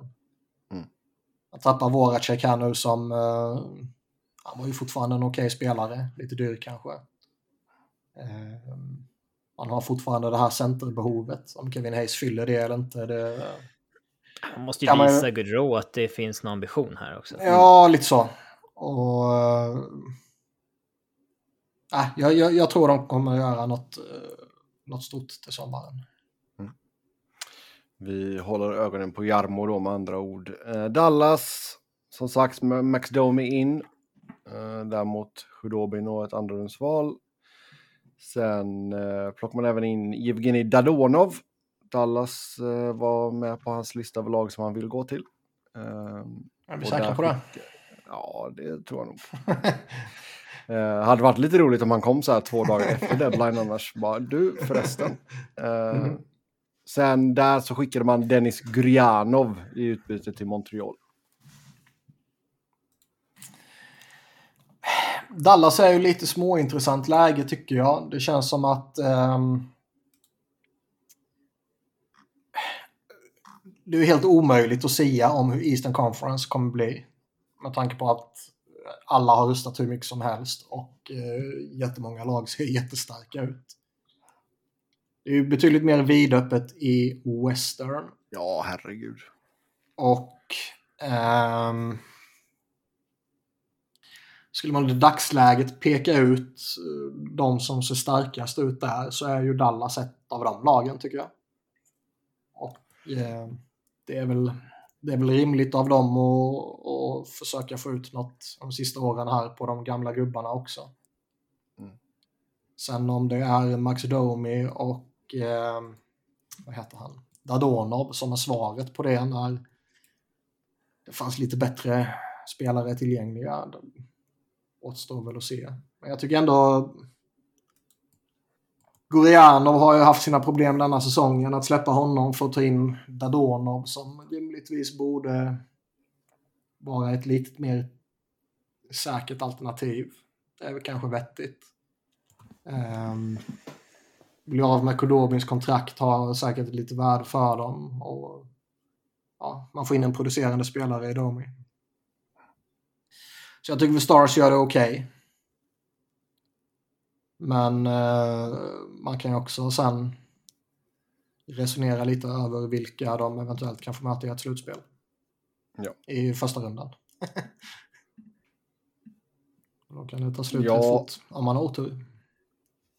Ja, alltså. Du vill ju inte ha eh, Edmonton eller Colorado i första rundan. Nej, så är det ju. Även om Colorado har haft sina problem och man kanske går in i slutspelet med lite skadeproblem på några eh, viktiga pjäser och sådär. Och Edmonton är Edmonton på alla sätt och vis. Så... Fan alltså, tänk att ta hem hela konferensen och sen får man möta Colorado i första rundan. Det måste vara lite hopplöst. Ja, det är en bit kvar dit. Det kan ju mycket väl bli så att Colorado och Winnipeg byter plats. Mm. Eh, det hade ju också varit en jäkla Minnesota, Colorado. Det hade varit någonting i en första runda också. Mm. Långt kvar. Colorado ja. mycket, har ju games in hand på alla lag. Ganska rejält också. Ja, det har de. Det har de, det har de. Eh, då är vi framme vid Detroit. Och Eh, som sagt, man skickade Bertuzzi till Boston. Du skickar Filip Hronek. Uh, jag antar att det uttalet var 110% rätt. Uh, och ett fjärderumsval. Hronek. Eh, fjärderumsval 2023 skickar man till Vancouver. Du får tillbaka ett conditional förstarumsval 2023 och ett andrarumsval 2023. Sen eh, skickade man Jakob Vrana till St. Louis, fick Dylan McLaughlin och ett sjunderumsval 2025 från Blues. Oskar Sundqvist fick packa väskorna och åka till Minnesota. Där fick man ett fjärderumsval i årets draft. Och sen hade man tydligen en eh, JVR-trade som eh, bröt samman. Och sen skrev man nytt med Dylan Larkin, 8 år, 8,7 miljoner i cap hit för honom. Ja, det eh, har ju blivit uppenbart vad Steve Eisenman vill göra och det var ju samla på sig många, många picks. Och det skulle ju inte förvåna om syftet med det inte nödvändigtvis är att fortsätta drafta. Nej. Nej, han lär nog trada lite. Mm. Ja. Eh, men alltså, de har ju en bra deadline här tycker jag. Alltså de får bra utbyte för Petrucci som är pending i UFA. Vill förmodligen inte signa honom på något längre avtal. Mm. Uh, Filip Ronek tror jag inte man hade någon plan att uh, sälja av för att det är en bra spelare på ett bra kontrakt. Men när man fick, ett sånt enormt ja. bud av Vancouver så tycker jag att man gör rätt i att sälja. Mm. Uh, Jakob Vrana jag tycker väl att han är tillräckligt intressant och billig nog för att det ska borde finnas lite större intresse för honom. Men eh, det var en spelare som gick på waivers nyligen som inte liksom eh någon tog, så att det finns ju uppenbarligen inte det. Så då är det väl bra att man nu lyckas bli av med det kontraktet. Det finns ju väl lite eh, andra omständigheter kring honom också som kanske begränsar en marknad. Ja. Uh, ja, men ja, det, det vet alla, men eh, att man. Eh, alltså man gick från att eh, för några veckor sedan eller någon månad sedan så var han på waivers och eh, ingen tog honom till att man nu lyckas trada iväg honom eh, med hans kontrakt eh, utan att behöva retaina. Eh, det... Nej, de retainar. Jo, de retainar. Gjorde de det? Ja. Mm. 2,6. Hälften eller? 2,6. Mm. Ah, okej. Men det är bara ytterligare ett år kvar så det är Mm. hanterbart. Mm. Eh, ja, men det, det var ju, alltså jag tycker att sen sälja av Sundqvist och de gör det bra tycker jag. Sälja av det som skulle gick att sälja av, men samtidigt behålla lite spelare som man, eh, alltså man kan inte sälja allt liksom alltid. Så att säga. Det, det tycker jag var rimligt. Eh, sen Larkin, Larkins förlängning tycker jag är ganska team-friendly också. Den skulle kunna bli ett, eh, dyrare, ja. Han är väl inte en sån eh, som ska upp på de, de här summorna vi diskuterar med Pasternak med 10 plus och sådär. Men eh, den kunde blivit lite dyrare tror jag. Mm. Och den blev ju inte så dålig så att man börjar fundera på om man skulle... titta Det på var ju så viktigt för organisationen att behålla honom också. Mm. Så man hade kunnat ana en större desperation där. Att liksom. Ja. Sen verkar det ju, JVR verkar det ju som att de skulle ta in och sen flippa honom vidare. Mhm. Ja. Och då är ju frågan, skulle Detroit varit en sån här tredjepart som skulle retainat lite lön och sen går han ännu billigare någon annanstans? Eller hade Steve Eisman förhandlat med någon annan GM och fått ett bättre utbyte för JVR än vad Chuck Fletcher kunde göra? Det skulle inte förvåna heller. Men det verkar som att det kollapsade. Där. Ja, Det, Det verkar som det gjorde det. det gjorde det. Det gjorde det. Men det är många som är nyfikna på varför och vad som hände där egentligen. Mm. För det har inte riktigt kommit ut va? Nej. Mm. Men det blir Men Iceman blir- Det här blir intressant att hålla koll på vad han gör framåt eh, draften. Mm. Om det är så att de väljer att skicka några av de här draftvalen som de har. Edmonton, då var det alltså in med Nick Bjugstad och Cam Dineen. Hej då till Michael Kesselring och ett tredjerumsval till Arizona. Sen hej då till Puljärvi och så in med Puistola. Sen plockar man in Mattias Ekholm som kom tillsammans med ett sjätte rundsval 2024 i utbyte mot Tyson Berry, Reed Schaefer, ett första rundsval 2023 och ett fjärde rundsval 2024. Ja, och eh, det var ju tokväntat att de skulle ge upp Jesse Puljujärvi för att eh, ja, om de ville göra något, någon större grej här eftersom de behöver Mm. dumpa lite lön då. Och, eh, alla förstod att det var han som skulle offras på något sätt. Skulle nog gå efter någon lite dyrare back var det väl också rätt väntat att man behövde offra Tyson Barry. Ja. Det känns som att han... Eh, visst, han har gjort lite poäng där, men det har väl aldrig riktigt lyft på det sättet. Man får väl eh, betala ett hyfsat pris för Ekholm, men han har ju... Han har ju varit rätt bra den här säsongen. Ja. Ja, Bounce back för honom. absolut. Ja, det Absolut. såg man ju kanske inte nödvändigtvis komma. Sen är jag fortfarande lite skeptisk till hans kontrakt och, och termen där, men samtidigt så är väl, vi har pratat om det tidigare, så är väl Edmonton i ett läge också där de behöver gå för det liksom. Mm. Ja, men man- alltså de... Ja, förlåt. Ja, nej, då behöver man väl chansa lite också. Det kan ju vara så att Ekholms problem har varit kopplat till en liksom här efterhängsen skada som inte velat släppa förrän nu och nu släpper det och då får han en ba- bounceback som kommer hålla i sig. Och Mm. Är det så så då är det ju en, en väldigt, eh, väldigt bra back såklart. Ja, alltså det är ett hål som de har haft också sen eh, Kläffbom skadades, känns det som. Ja, Det- men det blir, det blir också ett hål av Barry här, måste man ju säga. Ja, men alltså där så har de ju ändå så...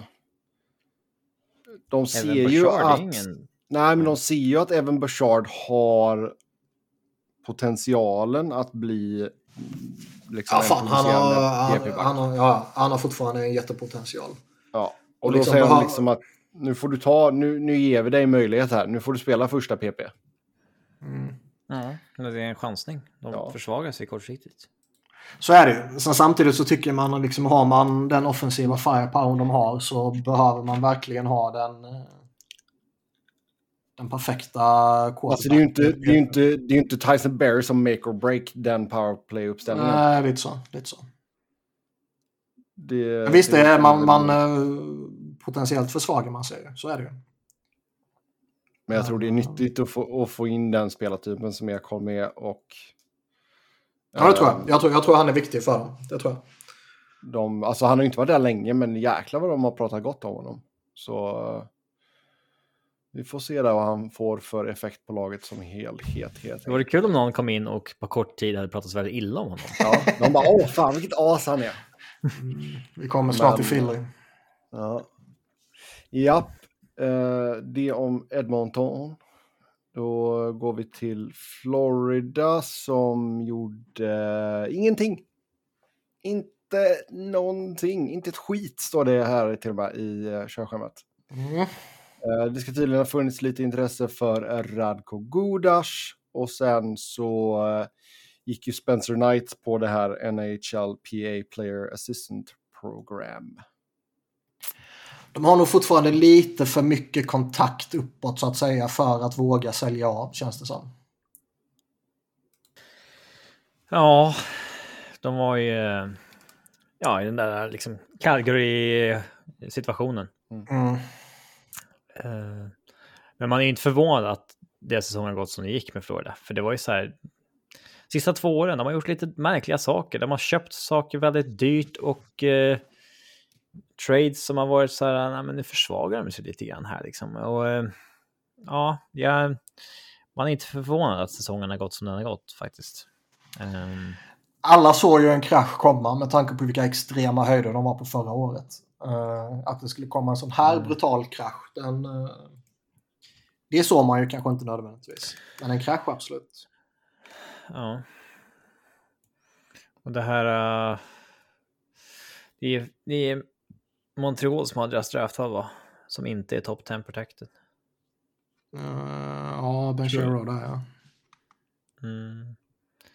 Ehm, men det, det, det byttes till eh, de eh, 2021. Eh, ja. Eh, det, det...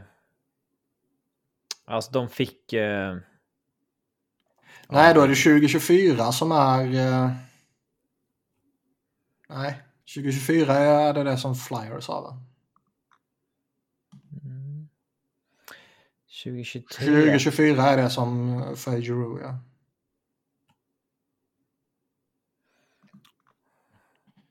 Den län- Capfriendly länkar liksom till fel pick när man går in i... Eller så länkar ja den det, fel, står 20, eh, det står 2021 men det är 2022.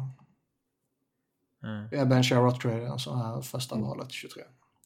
Ja. Men Yes, jag menar, de, de, de är ju... De är ju ett behov av, av att få tillbaka pix. De har ju slösat bort pix ju. Ja, alldeles Eh, hårt. Ja.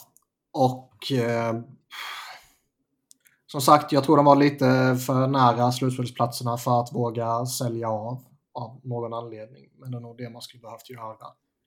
Sen har man väl inte jättemycket att sälja av. Men jag tror man skulle kunna få eh, liksom, i alla fall en, en second rounder och sen ytterligare något halvdant pick typ för Gudas.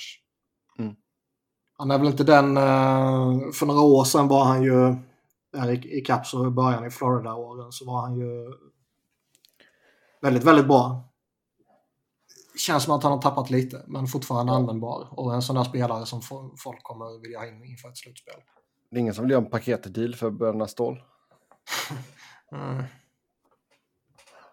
Ja, Så det känns som Så- att, ja, man, fan, man borde gjort något alltså. Mm. Vi får se om Bill Cedar hittar på någonting i sommar istället då. Helt enkelt. Eh, LA, som sagt, man skickade Jonathan Quick, conditional första rundsval 2023, tredje rundsval 2024 till Columbus för Korpisalo och Gavrikov och sedan skickade man Brendan Lemieux och ett femte rundsval 2024 för Zach McEwen. i Philly. Um, ramaskri på Kings Twitter med tanke på att man tradade bort uh, Quick och på sättet som detta ska ha skett på. Eh, Känner du Sebbe?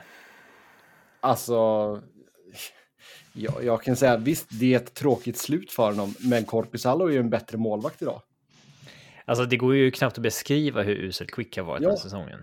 Alltså, alltså jag, jag, fattar att folk, alltså han är ju en klubblegend liksom. Det är klart att han kommer att hissas i taket och allt sånt där och få någon... Otroligt eh, få som har så lång målvaktskarriär i ett och samma lag nu. Med. Ja, och han kommer få någon staty, bara det inte är samma kille som gjorde Dustin Brown-statyn. Så... så... Nick DeLaurier gör mål på ett friläge inom rätt underläge. Ja.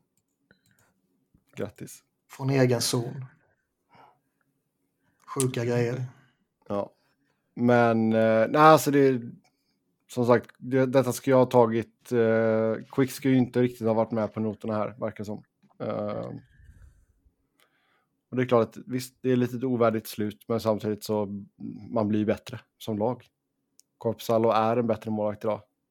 Sen ser jag ju inte Korpisalo som någon långsiktig lösning heller. Visst, han har varit bra under förutsättningarna i Columbus i år, men man chansar, man chansar väl lite på honom nu i, inför slutskedet och slutspelet här. Mm. Gavrikov, alltså solid. Och det jag menar, liksom, var det så att man inte... Man, man uh, gav sitt bud till Arizona för Chikrin och de sa nej tack, liksom, ja, då fattar jag att man går efter Gavrikov istället. Um, så rent liksom sportsligt sett så, så var den logisk, traden. Sen eh, känslomässigt eh, så självklart att han är tuff för eh, fansen och vissa av spelarna som har varit med länge. Vä väldigt ovärdigt slut på för en sån ikon ju. Det, mm. det kommer man inte ifrån. Nej. Um... Och Brendan Lemieux är man bara glad att bli av med. Ja. Så det är vad jag har att säga om honom. Man får Men, en hyfsat, hyfsat rolig och underhållande spelare i Zach McEwen i alla fall. Han ska väl inte vara ordinarie i ett slutspelslag. Nej. Men, men uh, släng in honom och han flänger runt och tacklas lite. Det... Mm. Vi snackade lite innan här. Han, han, är väl kanske inte publikfavorit, är väl ett starkt ord, men liksom, folk kommer gilla honom. Det, är liksom, det var inte så, du hade två, två uttalade liksom, hål om du pratade med liksom, folk. Vad är det Kings behöver? Ja, de behöver en, en vänsterback och en målvakt. Du skulle säga en första och en andra målvakt. Ja, jo, ja, sant faktiskt. Men, alltså, grejen med Korpisalo det är att det är en historiskt sett extremt usel målvakt också. Ja. Men eh, han har haft en bättre säsong. Mm. Och ja, Ja, alltså jag, jag ser ju helst att man inte förlänger med honom. Ja, nej, man måste ju börja om. Ja. Speciellt när man redan har signat om Phoenix Cooley på ja. att han ska vara tvåa nästa år. exakt. Så, så eh, stå sitt kast. Ja. Sen var man lite eh, glad över att man uh, tradade till sig rättigheterna till uh, Portillo. Det står inte i körschemat alltså. Har Nej, jag vet att det inte står i körschemat, men det ska fan in ändå. Nej, det är så fruktansvärt irrelevant så det finns inte. Vi får se där om det kan bli någonting om några år. Nej, nej, nej. Minnesota. Minnesota. Man har det. Ja. Lite snabbt ja, bara med... med... ja, ja. Men med, med Quick här. Man... Eh, lite ovärdigt här nu med honom. Det har varit lite... Det har varit ju lite kaos kring eh, Dustin Brown. Plocka C från honom och sådana här saker. Jag har fått för mig att det var någon annan av de här större ikonerna som man har behandlat lite sådär också. Eller har jag bara det fått för mig det? Det har man säkert gjort. Och sen Mike Richards givetvis det värsta av allting. Ja, men det var ju Dean Lombardi. Ja, men planta liksom uh, drugs i hans bil när han åker över gränsen. Det är ju jävligt ovärdigt. Ja, man, han var inte så snäll mot Voinov också som Sebbe har försvarat. Nej. Eh, ja, alltså, där är man ju bara glad över att de tog rätt beslut. Alltså, gud. Var det inte Carter som inte var så glad över att tvingas bort? Jo, han var inte jätteglad, nej. Det var han verkligen inte. Mm, kanske han jag tänker på. Han hotade ju typ med att gå i pension. Typ. Ja, just det. Just det. Ja. Ja, det var han jag tänkte på. Ja, Ja, men då får han ju kanske spela bättre om han vill. Ja, exakt. Det är så Ja. här, du kan ju inte bara åka runt och semestra och tro att du ska få exakt. vara kvar hur länge du vill och vara nöjd och glad. Alltså, Exakt. Gå runt på Manhattan Beach och glassa liksom. Skickar vi det till iskalla Pennsylvania istället. Ja, exakt. Stålverkstaden. Mm. Så, nej men alltså jag tycker... alltså, Överlag, det är svårt att, be- svårt överlag att veta om, alltså betalar man ett first för Gavrikov eller för att bli av med Quick? Alltså det, det, det är svårt att ut- utvärdera. Ja, både och. traden så, så att Ja, säga. ja. Eh, men jag vet inte, man öppnar ju upp det där. Var det så nödvändigt att öppna upp det där capspacet i och med Quick för att få in Gavrikov av alla? Jag vet inte. Alltså fick du inte... Alltså, det var... Chyckryn var ju första valet. Det, det tror jag alla är ganska överens om. Och de, det pissade sig lite på Kings här för att de inte lyckades lösa det. Mm. Men erbjöd de Björnfot och två första eh, så Ja, då gjorde man, man ändå försökt. Ja, exakt. Ja. Då tycker jag verkligen att man har gjort vad man, vad man har kunnat. Så, eh, nej då. Det är, vi får se vad som händer i slutspelet helt enkelt. Det klaffar det så kan det nog gå bra, men det är ju långt från att vara en given contender. Så, eh, men att bara ta sig till slutspel är ett steg i rätt riktning. Minnesota, där eh, tradar man till sig halva Sverige. Som eh, sa. hell of a deadline alltså för dem. De, vill ha alla svenskar, sa han. Ehm, så... Får liksom, man får in Klingberg billigt, man får Mm. in Nyqvist billigt. Nu är hans hälsostatus lite oklar, men liksom 50% retainad för en fifth rounder. Det är Ja. ju hur billigt som helst. Få betalt för Greenway. Ja, och så får man in Marcus Johansson och Sundqvist billigt Mm. eh, och sen får man ändå väldigt bra betalt för Greenway. Så Ja. att eh, jag tycker att man gör det bra här. Så Klingberg, Nyqvist, Sundqvist, Johansson in. Man skickade ett tredje rundsval 2024 för Johansson. Till... Vi var ju, vi var ju alla lite skeptiska till vad, vad fan de höll på med när de började vara sån här tredjepart en massa trades också. Och ta Mm. på sig en massa död kapp. Och sen så lyckas man ändå göra allt det här. Ja, det är Mm. imponerande Mm. faktiskt. Så... alltså, de ger det ett försök i alla fall. Det tycker, tycker jag är bra. Ja, Sen får man väl försöka, alltså... Jag hur länge de kan vara competitive med liksom sitt, eh, sin cap-situation. Ja. Men eh, man har ju lyckats i år. Absolut. Men eh, jag funderar ju på om det kanske är...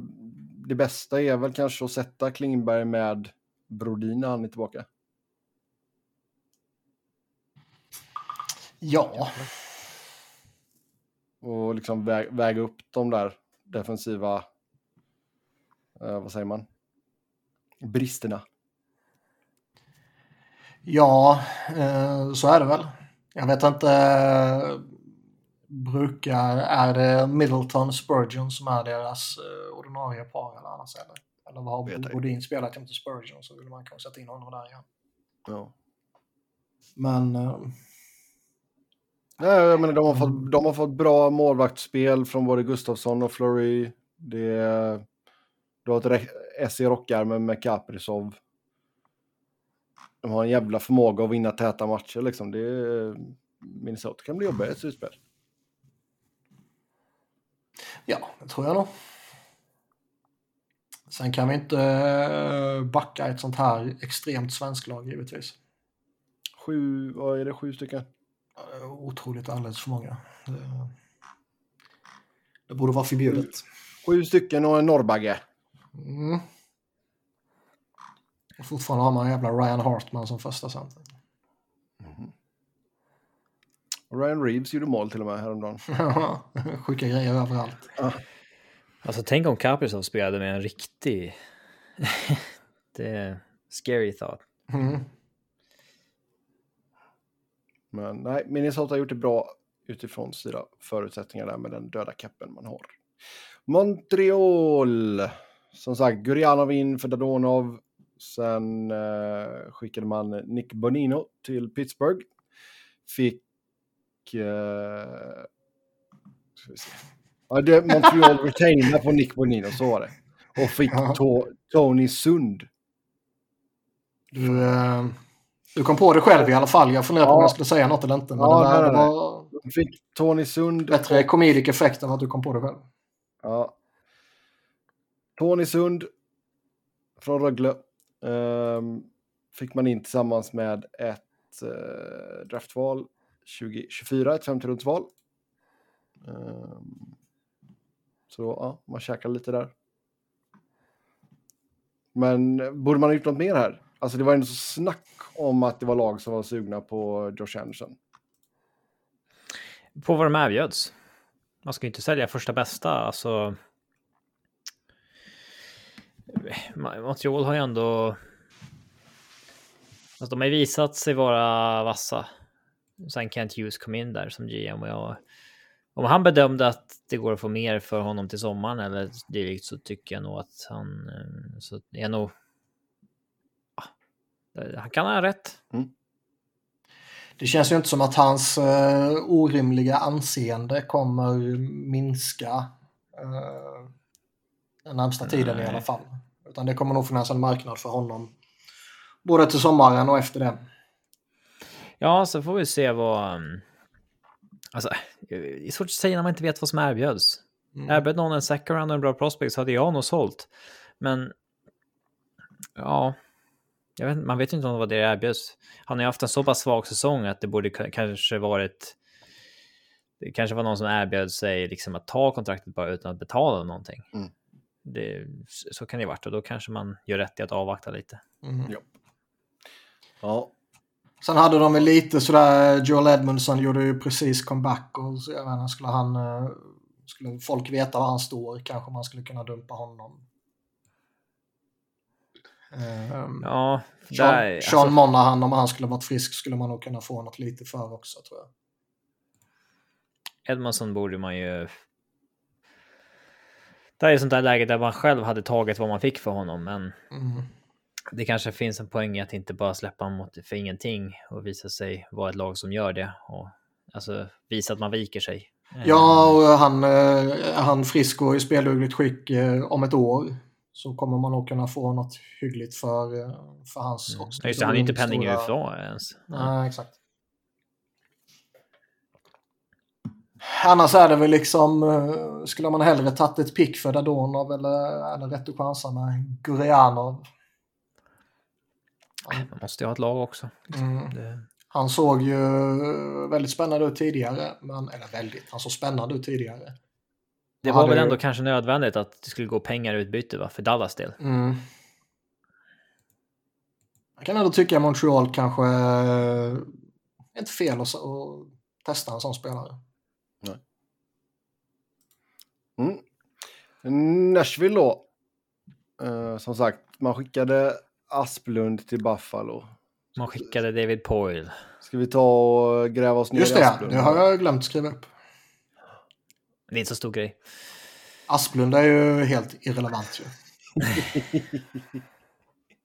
Ja, Vad har vi på Asplund? ja, exakt. Vad har vi där? Jag ska göra en 30 minuters special här om eh, Ragge. Eh, nej då, men Kallas han Ragge? ingen aning. Ingen aning. Jag tänkte bara Rasmus, det blir Ragge. Det är otroligt Eh. mycket mer relevant att prata om Austin Reuchoff och Isaac Ratcliffe. Ja. Men eh, Barry Trotz kommer gå in som GM. Det som många förväntade sig var in the cookings eh, när eh, han inte hoppade på coachjobbet i Winnipeg i somras. Mm. Det och så han ville gärna vara någonstans där de hade en flygplats. Mm. Ja, ehm, det, det blir intressant som fan. Han är ju en jättebra coach, men jag har ingen aning om han är en vettig GM. Nej. Jag tror säkert att det finns en hel del coacher som skulle vara värdelösa GMs. Eller så här, Ja, verkligen. om de är... Eh, det finns nog en hel del mediokra coacher som skulle vara jättebra GMs. Och en del liksom jättebra coacher som skulle vara dåliga GMs. Alltså där är ju... Det är två olika skicklighetsområden. Eh, Sen och- finns det de som är dåliga på att vara både och. Ja. Mm. Eh, men så här, du, kan ju bara hamna som GM eller hamna som coach och så gör du ett okej jobb som det, men du, kan, du kanske skulle vara mycket bättre som det andra. Eh, Så det blir ju väldigt intressant att se med Barry Trotz. Oh, ja. Eh, för liksom, vad ska man säga? Eh, stereotypen, alltså så här, liksom fördomen är ju att han förmodligen är en klart mycket bättre coach än GM. Mm. Ja, får vi se. Var det han som var mastermind med att skicka Ekholm då? Eh, nej, nu är det ju Paul som rattar och han verkar ju kratta, kratta fint för sina efterträdare åtminstone. Eh, bli av med Ekholms stora kontrakt, bli liksom en, en first rounder och alltså han hordar ju bra med pix åt honom här. Framförallt så kommer det ju en eh, trade med Tampa som Mm, är det jag kommer, jag kommer till den här. Men innan vi tar den så skickade man Nino Niederreiter till Winnipeg och fick ett andra rundsval 2024. Sen då, du skickar Tanner... Granlund också, second rounder till Pence kan man Ja, säga också. det kan Samma säga. veva. Yes. Sen då, Tanner Genot skickar man till Tampa Bay och man får i utbyte Cal Foot, tredje rundsval 2023, fjärde rundsval 2023, femte rundsval 2023, andra rundsval 2024 och ett conditional första rundsval 2025.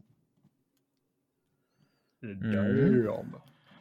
Det är alltså, alltså- seriöst, lyckas man snubbla sig fram till en sån här spelare oavsett om det är forward eller back eller något sånt här. Trada honom för fan. Du kommer få sån jävla utbyte för honom. Ja, alltså, Tanner Gino är ju en intressant spelare. Odraftad. Han spelade liksom matcher i ECHL så sent som 2021. Eh, hamnar liksom i Nashville. Eh, och är ordinarie NHL-spelare förra året. 24 baljer, över 100 utvisningsminuter. Bra grinder så. Eh,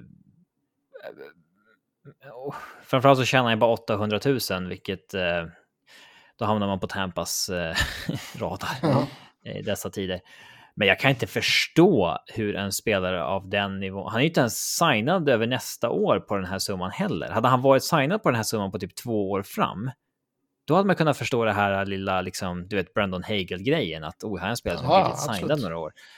Men alltså Cal Foot är ju till att börja med ingen liksom helt meningslös eh, eh, spelare eller pro, prospect, eller han är inte prospect, men eh, alltså han är väl ändå, han är ju någonting liksom. Och Jag har ju inga poäng dock ju. nej, men ja, vi får väl se. Men eh, alltså en första, andra, tredje, fjärde och femte. Nej, Jag- vänta. jag- Det är inte han som är forward ju. Vad fan heter forwarden? Alfot är Nolan backen va? Nolan. Mm. Jag tänkte på... Nej, men eh, jo, men det är, det är Calfoot som har gått till. Eh, Ja, men det är han som är backen väl? ja, Kommer jag på nu. Men- ja, jag tänkte han var forwarden. Nolan left wingen i Mm. New Jersey. Eh, men jag undrar vart, vart började den här förhandlingen? Om det var där man landade? Jag läste ju... Bad liksom Nashville om eh, hela, hela draftrundan, liksom. sjätte och sjunde också. Och sen så förhandlade man ner det till att bara vara 1 till 5 val. Jag läste i alla fall en tweet som sa att det här är ju liksom en trade man gör på NHL-spelen där man får nej och så lägger man till ett pick. Och så får man nej och så lägger man till ett pick. Och så får man nej och så lägger man till ett pick. Och så får man nej och så lägger man till ett sista pick och då går den igenom. Och då undrar man så här, "Ah, fan skulle jag gjort det där? typ så. ja, eh, men eh, ja, nej, men liksom hur började den här? Vad, Ja. vad Alltså, de, pratade kanske, man om? de Liksom? kanske kom med detta direkt och så sa Nashville bara ja. Ja. Man kan inte komma med det här direkt. Alltså, Alltså- alltså, många citerade det som eh, Brisbois sa här, att så här, ja men eh, Pix är inte så värdefulla för oss nu, vi försöker vinna en cup, eh, sannolikheten att de blir NHL-spelare och så vidare. Ja, ja, så är det ju. Mm. Men du ska ju fortfarande få något in i helvete mycket mer för den mängden pix. Du får ju jämföra med marknaden. Vad får man för en andrarumsval? Vad får man för ett förstaumsval? Det Det här, det här, ju- det här skulle ju varit anmärkningsvärt för ett år sedan när han gjorde 24 mål och 41 poäng. Ja, nu när har ju kommer liksom från- kanske landat lite. Ja, 56 matcher har jag gjort 5 plus 9. Och liksom, visst, han kommer med det här fysiska inslaget. Det är som vi sa tidigare, det finns fortfarande ett, ett, eh, ett värde av det i den här ligan. Liksom. Även bland de smarta i ligan. Och fan, han kan ju gå in och göra succé för Tampa givetvis om man sätter honom i, en, i, i den omgivningen och så vidare. Men pröjsar man det här då, då ska man få the sure thing på ett sätt som den gode Tanner inte är. Mm.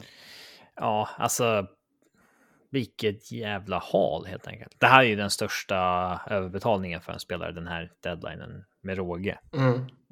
Um, och det är bara att sälja av om man är Nashville. Jag förstår att snubben är publikfavorit och så vidare där, men uh, herregud.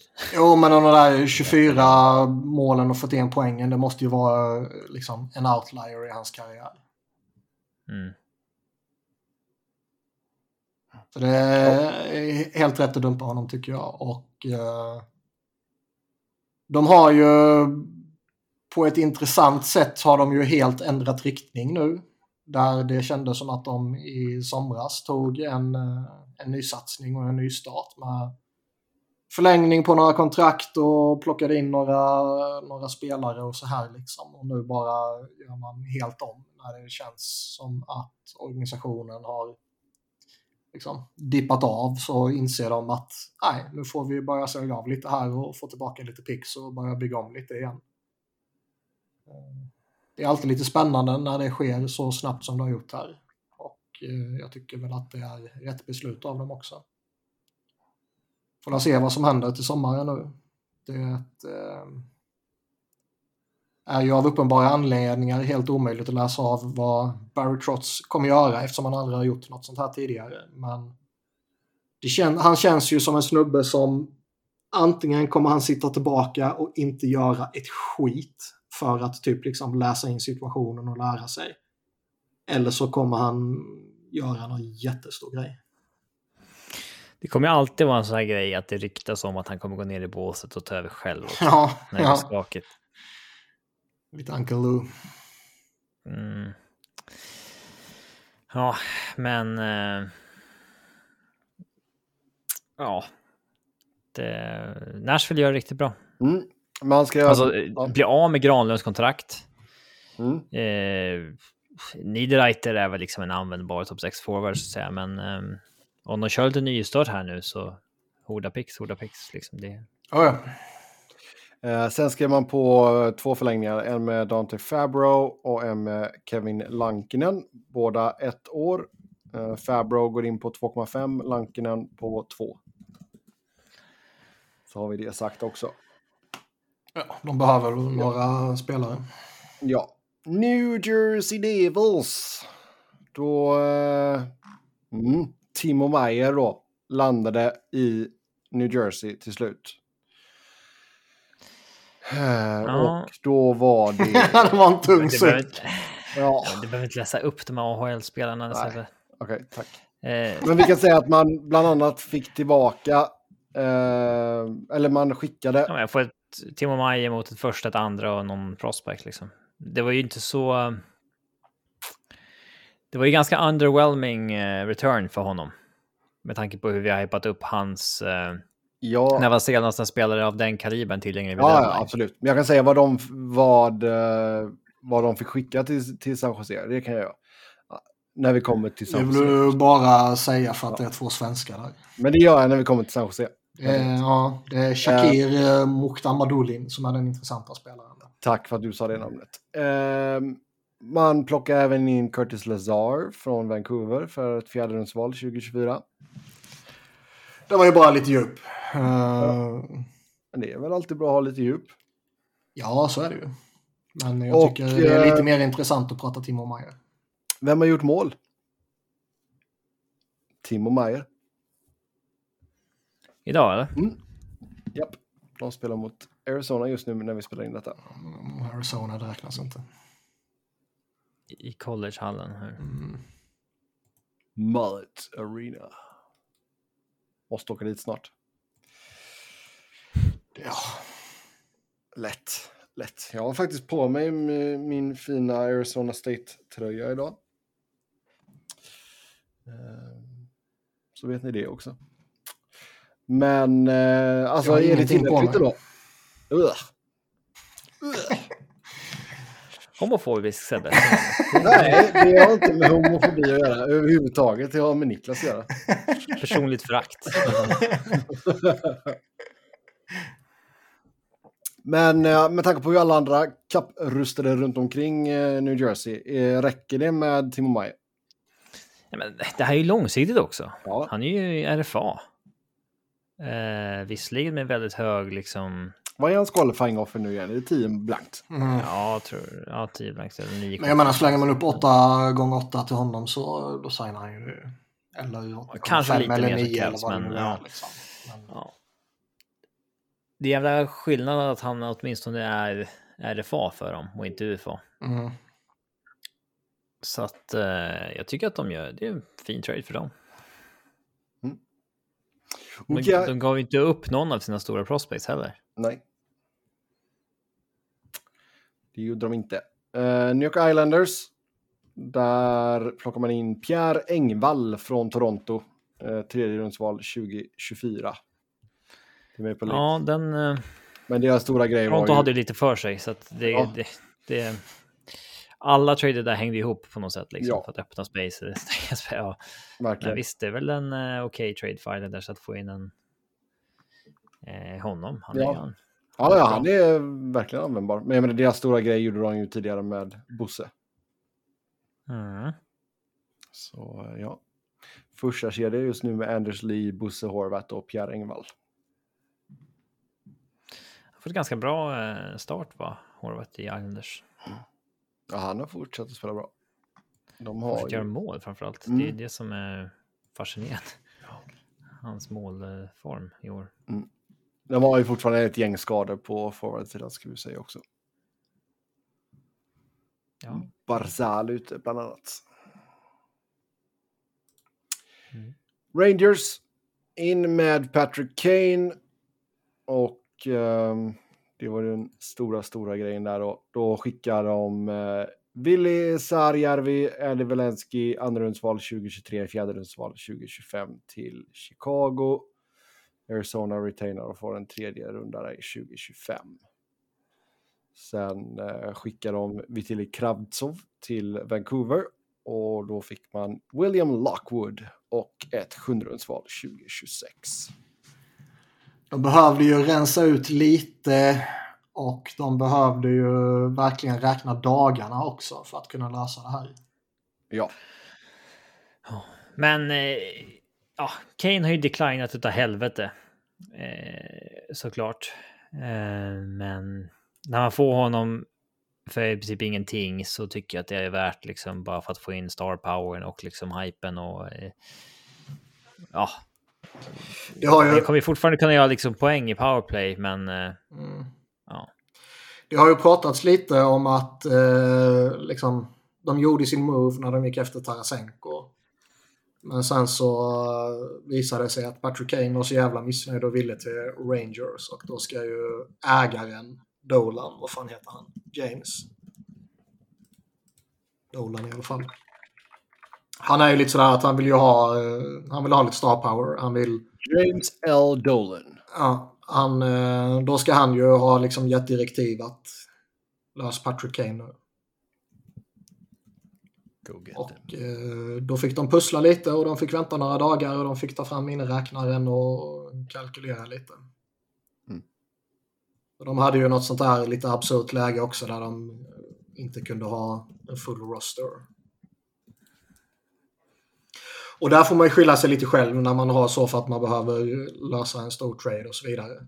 Jag tycker det är lite, det blir lite Vad är det? 11 plus 5. Ja, det blir lite parodi när man får göra det för att man liksom eh, har fått skador och man kan inte ersätta spelare liksom. Nej. Då, då tycker jag det blir lite parodi. Där borde man hitta någon jävla lösning så att man kan, kan ha en, en full roster när man har skadade spelare. Liksom. Här är det lite Ja. egenförhållat. Det är en annan grej då. Men, eh, Men det är, väl, det är väl fint att krydda med Tarasenko och Kane. Ja, Tarasenko har fått en väldigt bra start. Det är jävla, alltså det är jävligt, vi, vi sa ju det förra veckan också. Det är jävligt coolt och nu när man fick in Tarasenko och sen om man skulle lösa Kane också. Mm. Det är ju... Det är ju att boosta upp sig inför ett slutspel på, på ett otroligt mäktigt sätt. Skulle det inte vara Rangers så skulle man ju vilja Okej. se en sån här sak lyckas. Nu eftersom det är ragdolls så vill man ju att de ska krascha ut det första de gör. Men... Eh, Och för att det är Kane. ja. Han är ett Ja. as. På Ja, pappret ja. har du ju två riktigt fina kedjor där med Kreider, Zibanejad, Tarasenko, Panarin, Trocheck, Kane. Och sen den... eh, som vi sa, de, Det- var ju ungdomskedjan. spelare som inte riktigt var värde för deras topp 6 tidigare. Nu har de ju en värdig topp 6. Fast jag, jag tror inte folk riktigt har alltså, greppat hur hårt Kane har tappat. nej, nej, han är ju en skugga av sitt forna lag och det har väl lite att göra med åldern men framförallt har det väl att göra med, med Skador. höften är det väl. Ja, Ja. Han kan ju typ knappt röra sig Mm. som förr. Alltså det... ja, jag menar Ja. det, det var ju det som var hans... Alltså det jag... I alla fall det som... Nej, men alltså det som jag tänker på när det kommer till Patrick Kane var ju ofta hur han kunde hålla puck, skydda puck genom med liksom, de här höftrörelserna som liksom gjorde att han, han blev så jäkla svår att stoppa. Och det är liksom, fan har höftproblem då, det, är, fan, det tar ju bort mycket. Så Ja. vi får se där helt enkelt. Men det var ju bra. Men det, att det är lite... Uh, ja, men det är lite så liksom om, om Patrick Kane skulle varit deras enda grej, deras stora grej. Då skulle man ju kanske varit lite sådär att man, man målar upp de potentiella problemen med honom på ett lite tydligare sätt. Nu känns det som att det är Tarasenko som är den stora grejen och sen är Patrick Kane mer bonus. bonus eller lyxvärvning eller vad man vill kalla det. Lite för att eh, ägaren fick nys om att han ville hit och, och, och pressa ledningen till att lösa det även om de kanske egentligen inte ville lösa det eftersom de valde Tarasenko istället. Ja. Ehm, Ja, frågan är ju hur mycket priset gick ner också. ja, men där, är ju, där, där utnyttjar ju Rangers att, eh, att de är Rangers på Manhattan och allt vad det innebär. Och Kane ville ju bara till dem, verkar det som. Mm. Det är lite som, som jag sa tidigare, det är lite Claude Giroux till Florida-vibbar. Att, eh, Det var det man... Varför lockar så mycket med Rangers? Alltså, Jag tror inte det är Rangers nödvändigtvis, men liksom Manhattan, Madison Square Garden och allt vad det innebär. New York är ju fantastisk stad på alla sätt och vis. mm. Ja, Ottawa då, in med Chikrin. Eh, och in med Patrick Brown från Philly. Där skickar man ett sjätte rundsval 2023. Eh, sen gick det rykten om att Ottawa skulle gå efter en Flyers back om man inte fick Chikrin. Eh, men att få in Chikrin på det priset är väl ändå så helt okej. Och sen så han ut och blir skadad i första matchen. ja, då skulle de varit glada. Han... eh. Ja, nej, det är exakt. Men eh, Pierre Dorian gick ut och sa att han hade lovat Claude Giroux att göra någonting. Och lovar man någonting till Claude så håller man det löftet. Det är sen gammalt. Mm.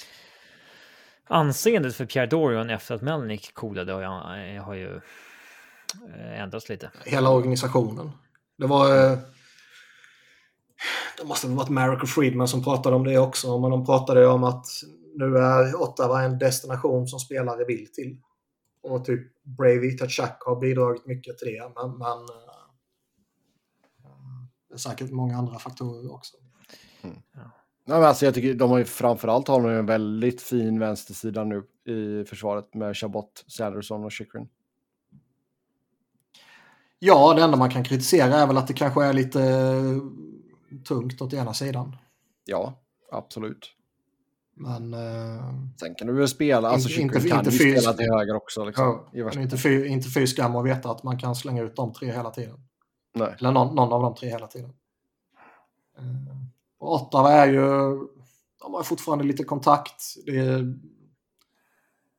Liksom, Islanders och Pittsburgh tycker jag inte känns sådär solklara till att ta de sista vildkortsplatserna direkt. Utan det känns väl hyfsat öppet mellan Isles, eh, Pens, Buffalo och Ottawa skulle jag säga. Mm. Där de tre sistnämnda dessutom har några matcher till goda på, på Islanders. Ja, exakt. Så man hoppas ju Islanders missar. Det vore skoj om Pittsburgh missar givetvis. Och Buffalo med Tage i spetsen vore ju skoj att se han i slutspelet och Ottawa vill man givetvis ha i slutspel såklart. Ja, och Ragge Dahlin. Jag vet inte vem det är. Ska vi kalla honom för det? Ragge Dahlin. Ragge D. Eh, nej, men alltså det, det, som sagt, de gör någonting hyfsat stort. Då. De gör inte många grejer, men de gör någonting som är hyfsat stort. Och där tycker jag väl inte att man, han, Dorian, liksom fullföljer det löftet till uh, Jerome han har gett det. Liksom. Det... Ja, de vet bara det. Det fanns ju ett uppenbart behov där också. Ja, det är ingen ja. rental heller. Nej, nej, nej. Det är ju en år kvar. spelare som är signad. Så att... Två år kvar efter denna säsongen på 4,6. Det är klart överkomligt. Mm. Philadelphia. Grattis Philadelphia. Brendan Lemieux kommer in. Uh... Den är lite rolig Ty tydligen så har man ju ambitionen att samla alla idioter på ett ställe. Och eh, Chuck Fletcher mumlade ju någonting. Han hade ju en uh, presskonferens efter deadline och han mumlade ju någonting om att uh, ja, han pratade lite med Los Angeles och uh,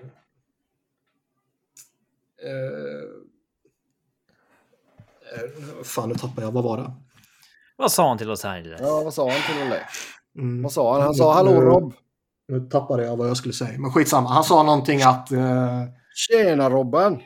He made it easy on them. För att de, typ, de behövde bli av med lite lön för att kunna lösa sina andra grejer. Och då var det liksom, ja de kan ha lite nytta av Zach McEwen och vi kan skicka iväg honom liksom. Och ja, sen tog jag Brendan Lemieux för att liksom typ make it easy on them. Bara för att vara snäll. Okay. Medan typ en ja. kompetent GM säger jaha, ja ja, men ge mig en third rounder istället då. Jo, exakt. Men nej, här ska vi vara snälla. Och så får vi en liten gratis eh, tryout på 20-tal matcher med Brendan Lemieux. Liksom, ett nytt jävla rövhål. Mm. Det kommer bli ett nytt gott kontrakt för honom sen. Ja, alltså... Eh,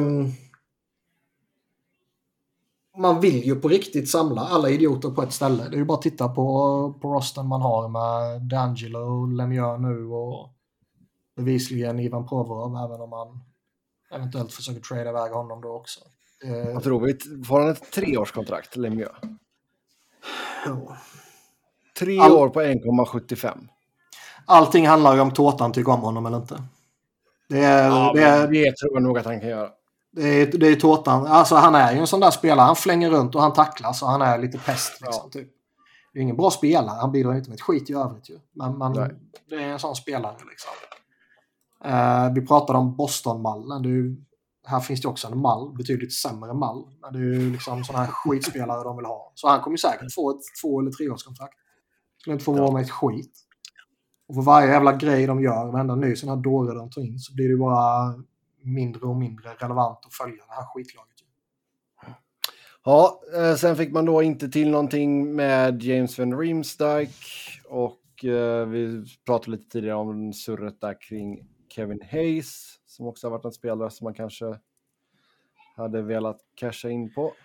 Det verkar ju som att det har skurit sig lite mellan tårtan och Hayes. Det har vi pratat om tidigare. Och eh, i dagarna här innan deadline så hade ju tårtan kommenterat också liksom att ja, men det är klart att vi lyssnar på honom. Han är liksom 30 bast och, och dyr och vi är på väg i en helt annan riktning. Liksom. Så det är, det är ju tårtan som är the face of the franchise. Liksom. Det är han som Chuck Fletcher har inte synts till förrän han gjorde någon appearance här i samband med deadline och sen så hade de ju någon någon utfrågning med season ticket holders där han hade blivit utbuad när han klev upp på scenen. Mm. Så det är Tårtan som frontar organisationen och det är, han, det är han som säger att jag tror inte Tårtan har sagt ordet rebuild, men han har ju sagt allting som indikerar en rebuild. Liksom. Ah. Um, det är bara Ristolainen som är untouchable. Ja, ja. Om man säger vad är planen med Arizona kan man verkligen undra vad är planen med Flyers. Det finns ju ingen alltså, plan. Hur tänker, man att, eh, ja, hur tänker man att det ska se ut om två år, ett år? Alltså, så här, alltså, han, han, pratar ju fortfarande om liksom skadorna de har haft. Han mum, började mumla lite liksom att ja, men tittar man på poängsnitt så är vi det femte mest förbättrade laget jämfört med förra säsongen. Och man bara liksom, ja ni är typ det sjunde sämsta laget i hela jävla ligan.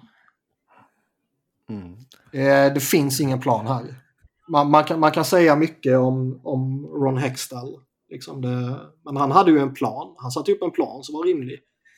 Sen så lyckades han inte riktigt utföra den planen genom att eh, drafta lite fel och, och lyckades inte riktigt fylla ut rosten med liksom vettiga spelare. Men han hade ju en plan.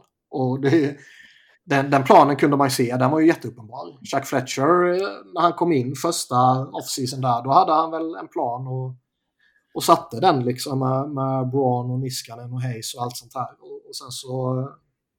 Då gick det ju faktiskt bra och sen kom pandemin och kraschade världen och, och då kraschade Flyers också, verkar det som. Sen dess har det inte funnits en plan liksom. Man har... eh, man har eh, slängt iväg massa assets och picks och grejer för att bli av med spelare som är användbara bara för att ta tillbaka exakt likadan spelare genom att slänga ut ytterligare picks. Liksom. Enda skillnaden är att Ghost är vänsterfattad och D'Angelo är högerfattad. Liksom. Och man bara omfamnar och tar in massa sådana här eh, typexempel på character issues. Liksom. Och man kan inte värdera vilken spelare som man ska förlänga med och, och liksom Ristolainen då. Och sen så man har haft lite oflyt med skadan på Kurtz och så här givetvis ju. Man, man signar ett nytt kontrakt med Travis Sunheim och plötsligt blir han en av ligans sämsta spelare känns det som. Joel Faraby har ju varit en skugga av sitt forna jag och, och, och liksom där verkar det ju eventuellt som att organisationen inte tycker att det är rimligt att han kan ha en dålig säsong eftersom han kom från en sån här eh, Jack Eichel-nackoperation. Jag tycker organisationen inte är liksom en bortförklaring som är värd att komma med. Och sen eh, sitter man och kommenterar att eh, vi är inte tillräckligt bra. Vi saknar eh, uh, elite talent. Vi måste skaffa oss elite talent. Och sen så lyckas man inte sälja av det man behöver sälja av. Det verkar som att Chuck Fletcher var den enda i hela jävla ligan som satt och väntade på deadline day. För att börja jobba typ. Alla andra var ju ute hur mycket tidigare som helst och han bara sitter och väntar. Och sen så... Uh, att inte jag ska inte säga ett argument för att behålla Chuck Fletcher, men typ ett resonemang som det har pratats lite om att typ varför sparkar man inte Fletcher direkt? Varför liksom väntar man till sommaren med att sparka honom om man nu vill sparka honom typ? Har ju varit lite liksom, ah, men det handlar bara om att sälja av på deadline. Det handlar om att sälja av de utgående kontrakten. Det klarar han av. Liksom. Han klarar ju inte ens av det ju helt obegripligt hur man inte kan bli av med en sån som JVR som liksom han har ett bra rykte. Retainar man hälften på, så han är värd 3,5 så finns det ju en marknad för honom. Lyckas man dessutom involvera ytterligare något lag om det nu var det man försökte göra med Detroit liksom. Så man kommer ner ännu billigare på honom så är det ju en, en spelare som jag tror väldigt många lag skulle vilja ta in i, inför ett slutspel. Ja. Och man sitter och man liksom värderar Nick Sealer så högt att han typ är untouchable. Jag kommer ihåg att jag var i samma situation 16-17 med Avs när de var eh, sist. Då lyckades de ju heller inte sälja av någonting alls vid deadline. Mm. Förutom Jerome McGinley som liksom Kings inte ens betalade för. för att eh, Avs och han hade haft en så svag säsong. Eh, det är kanske, nu är inte Flyers lika dåliga som Avs var då, men eh, ja, påminner lite om varandra. Mm. Eh, Den här organisationen har ingen framtid. Ja, men alltså, Under fi- nuvarande alltså finns det någon... Jo, men just, just det. Finns det någon brytpunkt där när liksom folk går hem ur huset eller vad fan det är man säger? man ur huset. Man ur huset, tack. Ehm, Hem ur huset. hem ur huset. Ah, äh. Jag försökte. Jag gav det ett försök. Nej, men alltså det, vad, vad man kan göra är ju liksom... eh, gå inte på matcherna, köp inte biljetter, köp inte merchandise, eh, förläng inte dina säsongskort och så vidare och så vidare. Liksom demonstrera ditt missnöje när de har sådana här eh, season ticket events liksom, som det var här Mm. i... Var det under lördagen? Måste det ha varit väl? Det var i någon av dagarna här. Eller var det idag? Alltså, för jag menar, det-. Det är som du säger, hade man liksom... Hade man velat kunna få gjort någonting så känns det som att man hade kunnat göra någonting med JVR. Um, under- Ja, sen, sen tror jag Alltså, mycket väl liksom de, de här lite större, Kevin Hayes och Provorov om det skulle vara så och ytterligare någon större grej. Det, det är nog sommargrejer oavsett vilket liksom. Så det, det var inte så att jag, jag satt inte förväntade mig att man skulle trada Provorov nu liksom. Det, det tror jag är orimliga förväntningar. Men du vet, han kommer inte kunna göra det till sommaren heller. Och eh, en, en vettig GM nu, när man tittar på Arizona, vad de håller på med. De, liksom, här får ni Ryan Ellis så blir man av med det problemet. Liksom. Men det har väl förmodligen inte kommit in i Chuck Fletchers huvud att det är en möjlighet. Nej, vi får se vad Chucky Boy hittar på i sommar helt enkelt. Om han gör någonting överhuvudtaget. Ja. Till får, han, får, han, får, får han vara kvar? Det här, det här totala misslyckandet under trade deadline.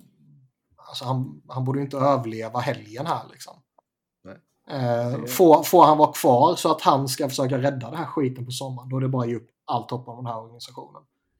Det kommer inte hända någonting positivt med den här organisationen förrän nuvarande ledarskap är utrensat. Tårtan kan vara kvar, han är lite crazy, men det kommer Tårtan vara. Men i stort så eh, är han ändå kompetent och vettig. Liksom. Alla de gamla gubbarna som sitter uppe på kontoret och rattar den här skiten, de måste rensas ut. Varenda jävel. Det, och det är liksom ikoner som eh, Bobby Clark och Paul Holmgren och så vidare. Alla måste ut. Mm. Det kommer ju inte hända. Eh, Nej. Och jag har, ju, jag, har ju, jag har ju tidigare sagt att man liksom nödvändigtvis inte måste sälja laget utan Comcast är ett, ett företag man vill ha bakom sig med tanke på vilka otroliga resurser de har bakom sig. Men du vet, för varje ny grej som händer utan att organisationen verkar bry sig ett dugg om att Chuck Fletcher får börja begrava det här laget djupare och djupare så börjar man ju undra om Comcast ens bryr sig längre. Då går vi till Pittsburgh. Och eh, då fick man alltså in Dmitri Kulikov. Nick Bonino återvänder. Mikael Granlund. Sen eh, tappar man eh, Teddy Bluger. Som har, skick- man tappar man skickar Teddy Bluger till Vegas. Fick eh, Peter Diliberatore och ett tredje rundval 2024 för honom. Man tappade Kasper Kapanen till St. Louis via waivers. Och eh, man gav väl inte upp så jättemycket noterbart där till eh, San Jose för Bonino. Um, blev av med McGinns kontrakt. Men rykten om att Pittsburgh och Vancouver hade en eh, lång diskussion om JT Miller. Ja. Jag vet inte riktigt vad jag ska tycka om Pittsburgh. För å ena sidan, och det har jag sagt tidigare, liksom, tycker jag att när de fortfarande har kvar den här coren, de bestämde sig för att ge den här coren ytterligare några år med förlängningar på Malkin och, och Letang, så tycker jag liksom att då behöver man fortsätta försöka. Ja, men då ska du träffa rätt på de här liksom, supportspelarna. Jag tycker inte att ta in Mikael Granlund 2023. Att de offrar liksom djup här Mm. för att ta in Micke Granlund och spetsa laget med, som inte är Mm. bra längre. Mm. Alltså som är svag och... Ja, det var ju bra att man blev av med Kapanen på waivers. Eh, kul att han wavade tror jag dagen efter vi hade diskussion om han var en inte. Ja, Ehm, men eh, ja, den gör man liksom och sen så visst man betalar för att få in Bonino. Man skickar iväg Teddy Bluger till Vegas som är en kompetent djupspelare. Eh, Man tappar ju ändå Brook McGinn här som är en kompetent spelare även om han kostade för mycket och det var ju bra att bli av med det kontraktet men Ja. jag vet inte fan om han förbättrade sitt lag någonting här vid deadline. Nej. det är väl kanske lite plus minus noll. Han är ju otroligt kritiserad nu, Ron Hextall. Mm. Eh, och det är ju lite, lite samma problematik som det var som han hade i, i Philly också. Att han lyckas inte, och som Sebbe sa här, liksom, de här supportspelarna lyckas han inte riktigt sätta. Inte hittills i alla fall. Uh, jag tycker inte det skulle vara något fel att ta in Mikael Granlund om han skulle vara pending UFA. Att ta in honom med ytterligare två år kvar på fem miljoner är lite sådär halv halvriskfyllt typ. Ja, det är ett... Även om man är villig att göra den chansningen så då är det ju snarare Nashville som ska betala för att du ska ta det kontraktet. Ja, lite så. Lite så. Bonino är ju... Jag läste någonting om att de aldrig har förlorat en slutspelsrunda när han har spelat för dem. Så där ja, boom. Ja, det måste ju betyda att då kommer de inte förlora. Nej, exakt. Men liksom... Det var ju två år när de vann. Mm. Så, ja, det är inte så konstigt. Nej. Men där är det väl... De ger inte upp något av relevans där liksom. Det kanske är något man kan göra. Um, bli av med McGinn väl viktigt för dem. Bli av med Kapanen väl viktigt för dem. Så jag tycker liksom själva ambitionen i sig är det väl kanske inte fel på sådär. Det har jag ju sagt tidigare som sagt. Men utförandet är man ju mer skeptisk till. Mm. Och som sagt, han är, han är otroligt kritiserad. Ja. Mm. Alltså, jag... Sen är frågan hur hade de löst en JT Miller in i detta? Det blir istället för Granlund. Tre miljoner extra. Ja. Det krävdes för lite retention och sånt där. Och... Mm. Ja. Skulle nog varit, de skulle nog kunna liksom, Jason Zucker och gå till Vancouver och sådana här saker. Så det, det, det, kan man nog lösa liksom. Däremot så alltså, man vill inte ha det kontraktet. Alltså. Nej, men det kanske inte är så problematiskt på kort sikt om man bara ska gå för det nu. Nej, så är det väl. Mm. Ja, det om eh, pingvinerna från Pennsylvania. Vi går till eh, San Jose. Och Eh, för Bonino så fick man Arvid Henriksson, ett sjunde rundsval 2023, femte rundsval 2024. Sen då för Timo Meyer och Scott Harrington och eh, Zachary Edmund, Santari Hattaka, Timur Abrigimov och ett femte rundsval 2024. Så fick man Andreas Jonsson, Fabian Zetterlund, Nikita och Kutiuk, um, ehm, Shakir Mukmahalulin, Uh, conditional första rundsval 2023, conditional andra rundsval 2024 och ett sjunde rundsval 2024. Man får ju två användbara picks för Mayer i alla fall. Man får en Shakir Mohammadouli som eh, vad jag tror och förstår fortfarande är en ansedd back prospect. Men uh, han är ju ryss och allt vad det innebär. Man fan vet om han kommer över eller inte liksom. Men ja, underwhelming return för uh, Meyer. Ja, man borde kunna krama fram något lite bättre här tycker man. Sen var det väl... Det var väl lite samma grej där också, eller att det var kanske bara New Jersey och något lag till Fast han kan, han, på. Uh, han kan väl inte styra det. Alltså Ken kan ju verkligen styra det med alla klausuler. Ja. Och han, han har ju en, uh, en status som få andra ligan har i, i sitt, uh, sitt lag, eller sitt tidigare lag. Uh, San Jose har ju liksom ingen... De har ju inget behov eller något måste att sådär hedra Timo Meyers önskemål. Liksom om det nu var till New Jersey han själv absolut ville. Utan det handlar ju bara om att få bästa möjliga deal. Och där tycker man man borde kunna komma fram, liksom, man borde kunna få en bättre prospect eller borde varit ytterligare något kryddat med något bättre draftval eller sånt här. Um, här bör man inte vara helt nöjd, tycker jag. Mm. Inte dåligt, men inte bra heller. Nej. Ja, Eh, personligen tycker jag det är kul att vi får se Andreas Jonsson i NHL igen i alla fall. Eh, ja, jag kan inte bry mig mindre.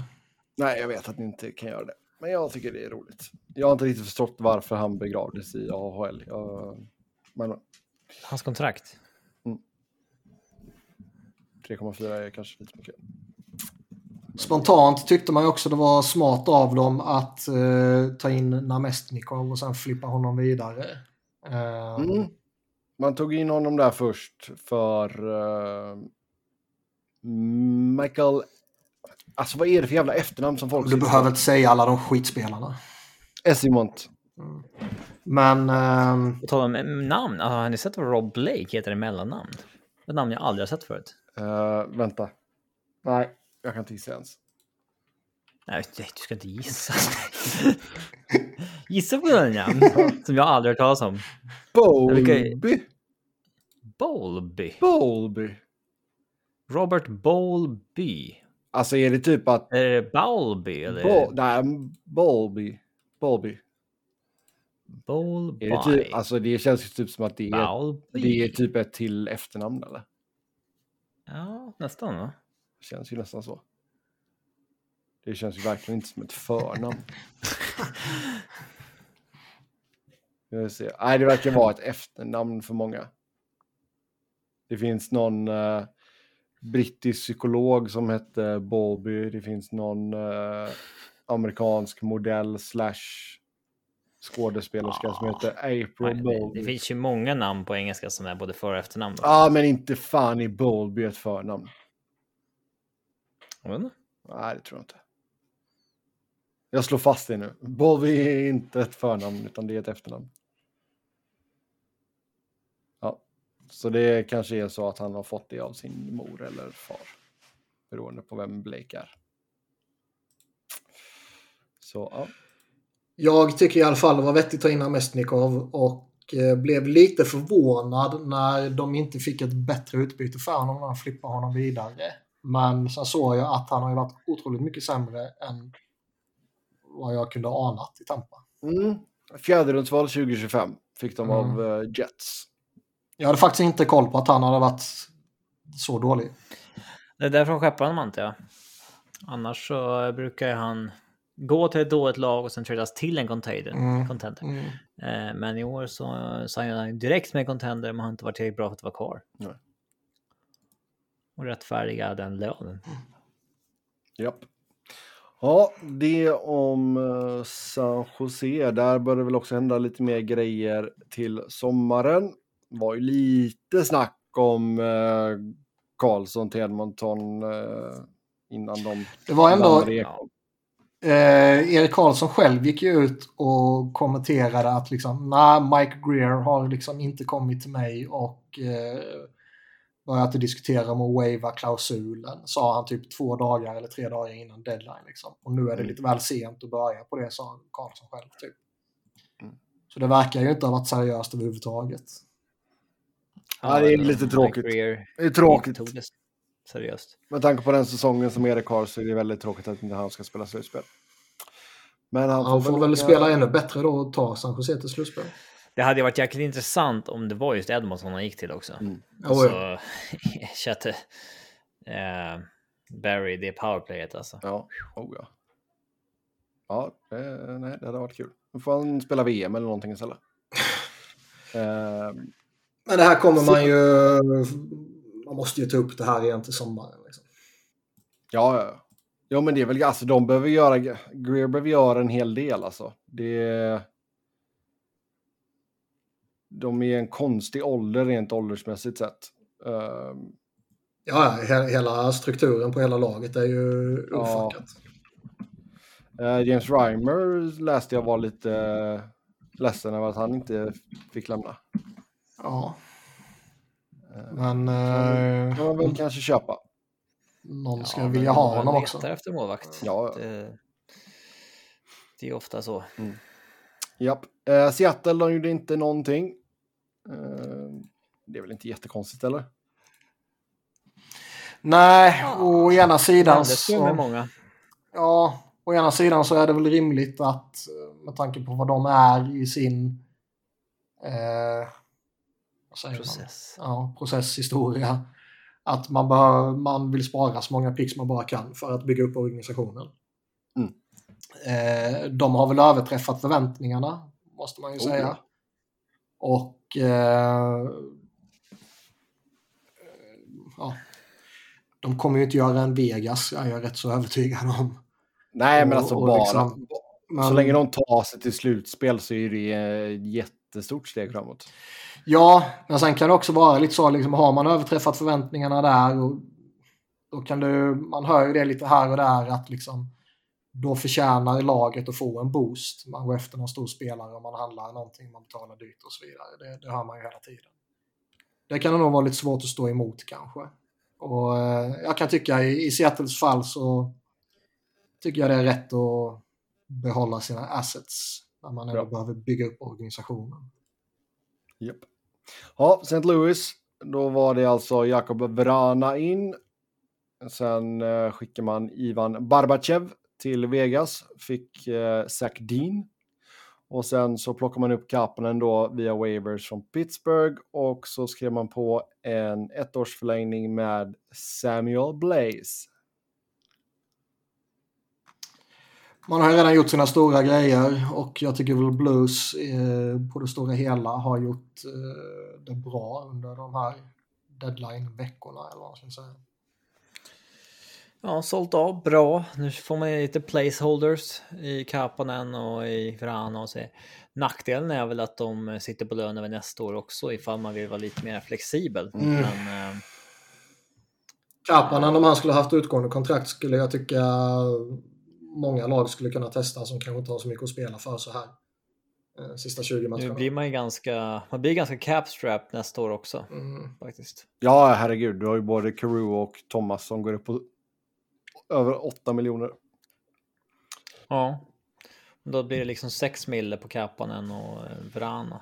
Eh, och, ja. Mm. Vi får se då om Vrana kan få någon form av bounce back. Kanske. Ja, Det man hoppas på. Jag kan inte säga att jag har något illa otalat med Ja- Jakob Vrana. Jag citerade bara Roland från uh, Torsk på Tallinn. Mm. sa, det är ju det man hoppas på. Mm. Han Ja. snackade om att han inte har någon bryd. Ja. Sparar in en halv miljon på Blaze nya kontrakt i alla fall. Så visst. Sparar in? Ja, Så funkar det väl inte? ja men alltså han går, Han förlänger och går ner i lön. han går ner i lön. Ja. Ja. Så visst. Men alltså då, jag vet inte, de, de är ju också en lite konstig sits. Alltså fan, de har ju hur mycket pengar som helst uppbundna på fem backar liksom. Eh, men- Inte så bra backa heller. Nej, och sen Bin, Binnington på 6 mille. Som är vad han är. Ja, det är väl en okej etta att ha liksom. Som ibland är dålig, ibland bra. Men... Loose cannon liksom. Eh, Ja. Ja. Japp, det om St. Louis. Eh, för vi tror väl inte att de kommer att blanda sig i något slutspelsrace direkt. nej. Den här Sagdina fick för Barbachev verkar ju vara en, eh, en vettig prospect ändå. Ja, då är vi framme vid Tampa som skickade det här monsterpaketet för Tanner Genot. Och sen då gjorde man sig av med Namestnikov. Eh, Mm, hur är läget i Tampa? Mm, de fick precis den effekten de ville få efter att ha petat Point, eh, Stamkos och Kucherov. Och sen bli Mm, totalt 16. av Keynes. Ja. Svårt att säga det här med Brisbois. Alltså hur mycket lever han på Isemans eftermäle egentligen och vad är han? Eh, Alltså har man fått eh, Point, Stamkos, Kucherov, Hedman, Vasilevski och bara ärvt dem och har dem som sin core, då, eh, då behöver man vara bra jävla inkompetent för att fucka upp det där. ja, känner på det. så. Cirelli på det. Ja, för det han lever på lite är väl det att han prickade rätt på eh, alltså den här Blake Coleman och Goodrow satsningen Mhm. på liksom djupet. Men sen är han liksom, han, han, har, han har betalat rätt dyrt för det han har plockat in liksom. Tidigare deadlines Ja. och, och, och idag, eller idag, eh, den här veckan också. Mm. Kommande draft så har du ju inte något val förrän i sjätte rundan. Mm, nej, då kan man chilla. Och du har inget första val och inget andra val 2024. Du har inget första val 2025. Mm. Mm. Är man... Samtidigt, eh, samtidigt så är de ju i, liksom, de har ju fortfarande ett fönster med den kåren de har som är... Jo, det är klart. bör kunna vara fem år till liksom. Mm. Men det är ju inte så att man är liksom i ett desperat behov att behöva vinna kuppen. Liksom, visst, man har chansen och den chansen kanske blir mindre framöver när liksom, någon spelare blir äldre och något kontrakt går ut och man måste släppa någon spelare och bla bla bla. Liksom. Men eh, fan, om det känns som att de är i läge att bara strö Pix nu för att försöka vinna en cup till. Alltså, de kommer ju behöva göra den här grejen när de... Alltså, de tog in Bellamare och Corey Perry, gav dem några år på en miljon vardera. De kommer behöva fortsätta göra sådana grejer, fast kanske gå ner till 800 000, 850. Det liksom... De där grejerna tror jag inte kommer vara några problem, för så länge Tampa ändå har sin core och de befinner sig i Florida, där det är gött att leva. jo. Så kommer, de alltid, ja, så kommer de alltid kunna locka till sig sådana här veteraner som vill göra en sista push på ja, Absolut. För, för, första men, eller sista kuppen liksom. Så det, det tror jag inte kommer liksom, vara några problem. Och du får ju mycket, behöver man, behöver man liksom pressa, Jo, men behöver man pressa ner en Corey Power på liksom från en miljon till 900 K så liksom det är bara att visa honom liksom cap-friendly och så liksom. Ja, ja utrymmet absolut. vi har. Så take, take Titta, nu, liksom. tittar du på, nu tittar du på skärmen här, ja. så ser du. Nej, men alltså, jag menar, du har, du har nytt kontrakt som kickar in för Cirelli, du har nytt kontrakt som kickar in för Sergachev, du har nytt som kickar in för Sernak. Ja, det kommer bli, behöva bli väldigt billiga lösningar på, på djupet. Och det, det kan nog... Och jag menar, liksom, det, det är ju någonting som vi redan har sett, tycker jag. Alltså, de hade ju det där extrema djupet ett tag. Mm. Och det har ju utarmats. Ja, det är klart. Men samtidigt så känner man ändå så att jävlar vilken core de sitter inne på. Ja, och den coren kommer göra att de är relevanta för flera år framöver såklart. Men jag tycker ändå... Hur löser man Stamkos? Liksom... Han har ett år kvar efter denna säsongen. Ja, man gör som eh, senaste gången man väntar in till elfte timmen.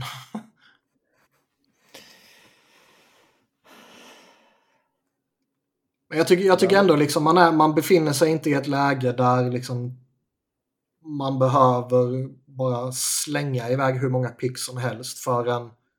För Tanner Nej, för en sån spelare. Det, så desperat är man inte över att liksom jaga en till cup, tycker jag. Mm. Eh, framförallt inte när han, eh, det är inte så att han, vad säger man, move the needle. Jo, men vinner de kuppen nu så är det ju på grund av Tanner Gino. Jo, det är klart. Samma sak som ifall Colorado vinner så är det på grund av Jack Johnson. Men visst. Nej, det är dyrt, dyrt pris för Gino. Det kan vi ju slå fast. Mm. Uh, ett annat lag som gick hårt in, det var Toronto. In då med McCabe, Lafferty och sen plockar man även in Erik Gustavsson och Luke Chen.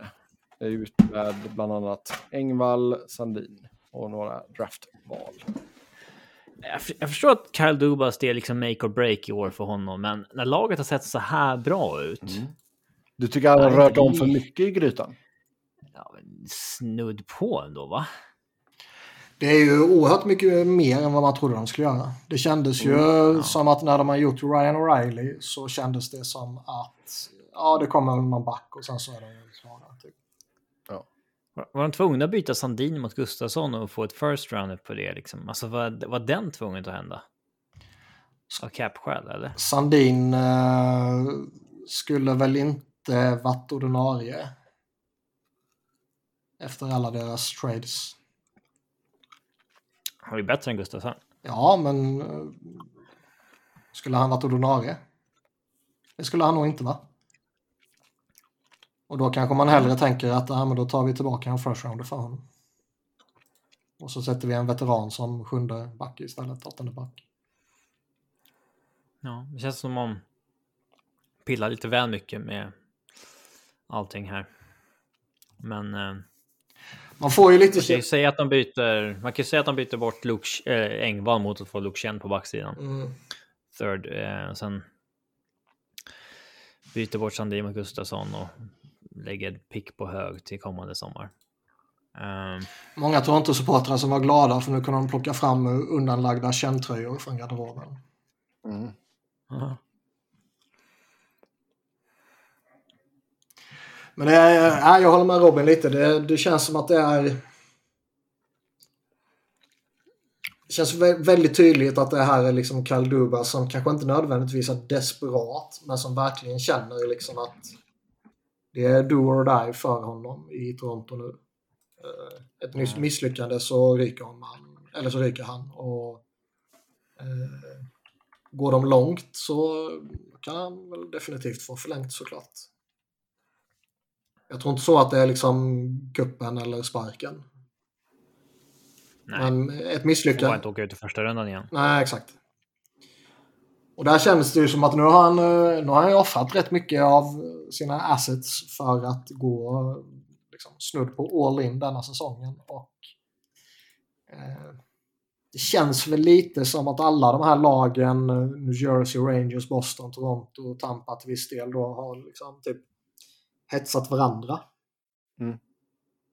Och eh, när en eller två börjar kapprusta så känner man att oh, nu måste vi göra samma sak också. Och Toronto vet ju liksom att de behöver ju gå igenom eh, de behöver gå igenom Tampa med all sannolikhet ju. Och ska man gå långt behöver man gå förbi Boston också. Liksom. Och sen så kan man behöva gå förbi Keynes eller Rangers också. Att Eastern kommer att vara brutal. Så på ett sätt är det ju fullt förståeligt att man försöker rusta så mycket det bara går. Frågan är bara om man gjorde lite för mycket här. O'Reilly tyckte jag var helt rätt i alla fall. Det pratade vi om tidigare. Ja, det är ju så, det, det är ju så ju- många möjligheter för dem. Liksom, monstruös topp 6 eller liksom otrolig jävla centerdjup. Det, det, där kan man trixa lite efter behov. Men annars... Eh, någon back till tyckte jag var rimligt också. Men fan, det blev rätt många grejer alltså. Vad, eh, nu är jag bara inne och kollar lite på Daily Face-Off. Och då står Gustavsson uppsatt som left wing i fjärdekedjan. Ja, jag har ingen aning. Jag kanske, någon kanske ställer upp med sju backar senast. Jag har ingen aning. Ja, Och kanske Daily Face-Off sätter upp någon som forward istället för som sjunde back. Det är fint. De hade massa forwardskador senast i alla fall. De Ja. gick ju ner på typ 10 må- forwards innan matchen var över. Mm. Kan vara därför. Kan vara därför. Japp. Man Ja. hoppas ju i alla fall lite att eh, de ryker i första rundan igen och Karl Dubas får kicken. Du är så pass skadeglad alltså? Ja, alltså jag, är- frågan. jag är ju helt övertygad om att eh, Philadelphia inte kommer vara så pass intelligenta så att man plockar upp honom då. Men eh, det är klart man vill se Toronto och eh, krascha. Mm, kan bli en tuff första runda där igen mot Tampa. Oh ja. Fan vad otacksamt ändå. Ja, men så är det med det här. That's hockey baby. ja, jag vet inte, hur hade det varit om man körde... Nu ska vi se. Om vi hade bara kört ettan mot åttan och så vidare. Vid något tillfälle var det ju typ liksom minimala förändringar, läste jag någon tweet om. Alltså det hade ju fortfarande varit Toronto-Tampa. Mm. Men Så- upp, upplägget känns ändå udda på något sätt. Var det inte massa snack om att börja köra etta mot åttan igen? Eller var det bara liksom folk Nej, det är bara- Jag tror det är bara folk som har... Eller Bruno och de liksom skriver några krönikor om det och så börjar det bli Mm. lite liv om det igen. Men... Eh, Gary, Bettman älskar ju det här upplägget. Det är ju skitbra för ligan tycker han. mm, Och det finns ingen som Skapar- klagar på det säger han också. skapa rivaliteter och, och så vidare. Som, eh, det är som eh, Lars-Åke Lagrell sa när han var big boss för Svenska fotbollsförbundet. Han sa att eh, eh, intern kritik existerar inte. Yttre kritik tar jag mycket lätt på. Ja, jaha. Ja, ja, ja. ja. Yes, vi lämnar Toronto därhen och går till Vancouver. Och eh, in då med Filip Hronek. Under, underbara uttal igen. Eh, Riley Stillman. Och eh, Kravtsov. Och då ut med Luke Chen. Och eh, ja, Curtis Lazar. Vad gör Vancouver egentligen? Ja, på tal om att oklar plan så... alltså det är väl inte så här... Um, I ett vakuum så är väl inte att betala en first och en second för Ronek. Eh, det är väl klart lite dyrt, men... Uh, men de är ju inte i läge där de kan slänga iväg pix till höger och vänster. Liksom. Nej, det är inte så här, åh, det här är den sista pusselbiten för att fylla vår topp fyra nu inför en, in, in, Alltså, då, då, är det en annan grej. Men, eh, Vad fan ska man med Riley Stillman till liksom? Så, alltså, så, villig att slänga, ja. så mycket snack om att Luke Chen var liksom den perfekta pusselbiten inför slutspelet. Så får man en third rounder för honom. Det är, väl kanske inte, det är kanske inte deras fel, men det är kanske mer att han hypas upp på ett orimligt sätt. Ja, men, ja, nej, det var väl ganska rimligt. Alltså, ja, han är inte bra. Liksom, nej. Så att, Däremot tycker jag väl att med tanke på läget de befinner sig i så tycker jag det är bra för dem att liksom testa en sån som Kraftsov. Eh, ja. ja, det kan jag absolut de här, köpa. De här lagen det... som är avsågade nu, det är ju sådana här spelare de ska testa. Liksom. Det kanske inte funkar. Då släpper man honom bara. Men eh, ja.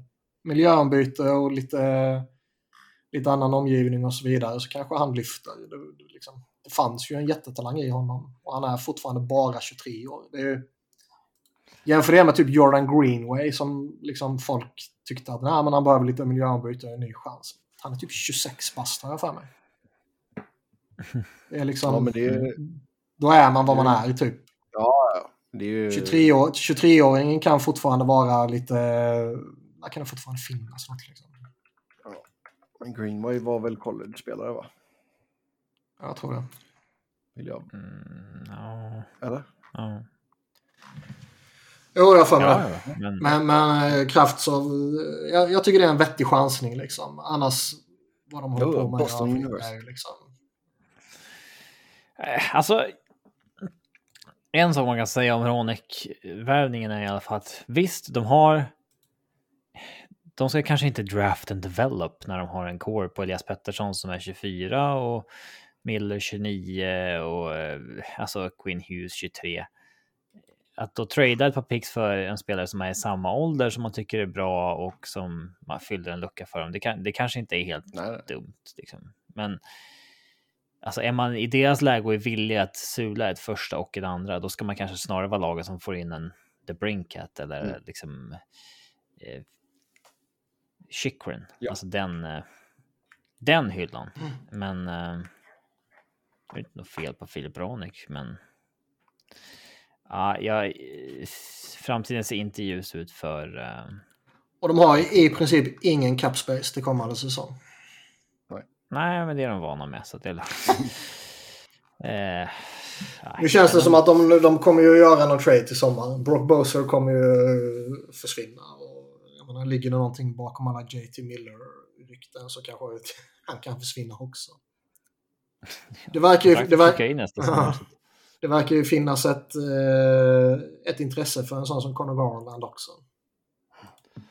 Så det känns ju som att de, de, kan, nog, de kan nog flytta ut lön. Och det, det kommer de ju behöva för de har i princip inget löneutrymme. Och de har ju de har bara tre backar signade nästa år till exempel. Nej, vänta, det var någon skadad också. Fyra backar. Fyra backar. Tucker Poolman som jag inte vet vad det är för någon. Aha. Då, ja. ja. då har de väl fem backar till och med. Fem backar är det då. Quinn Hughes, Tyler Myers, Ranek. Ranek, Ekman Larsson och. Ekman Larsson ja, den sopan glömde jag. Uh, nu ska vi vara snäll. Uh, men alltså jag tycker ändå så att det, det förvånar mig lite. Alltså jag förstår att de blev kåta för, på... För nya lyssnare Alltså för nya lyssnare som har lyssnat bara de senaste ja. fem åren kan vi säga. Olle Ekman Larsson jag har ju gästat den här podden ett helt avsnitt en gång. Ja.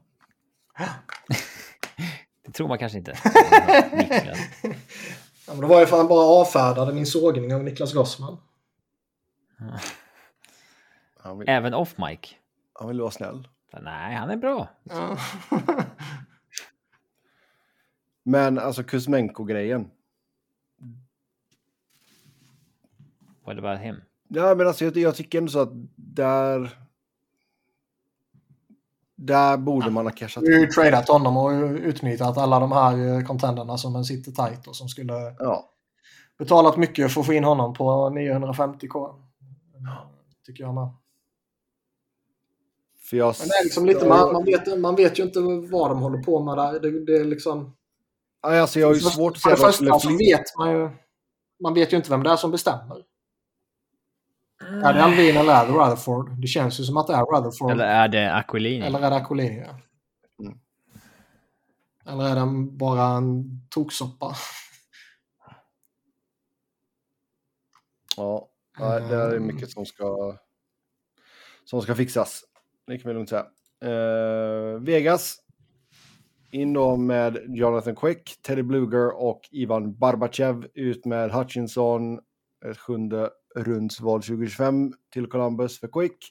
Peter Deliberatore och ett tredje rundsval 2024 till Pittsburgh för Bluger och då Zach Dean till St. Louis för Barbachev.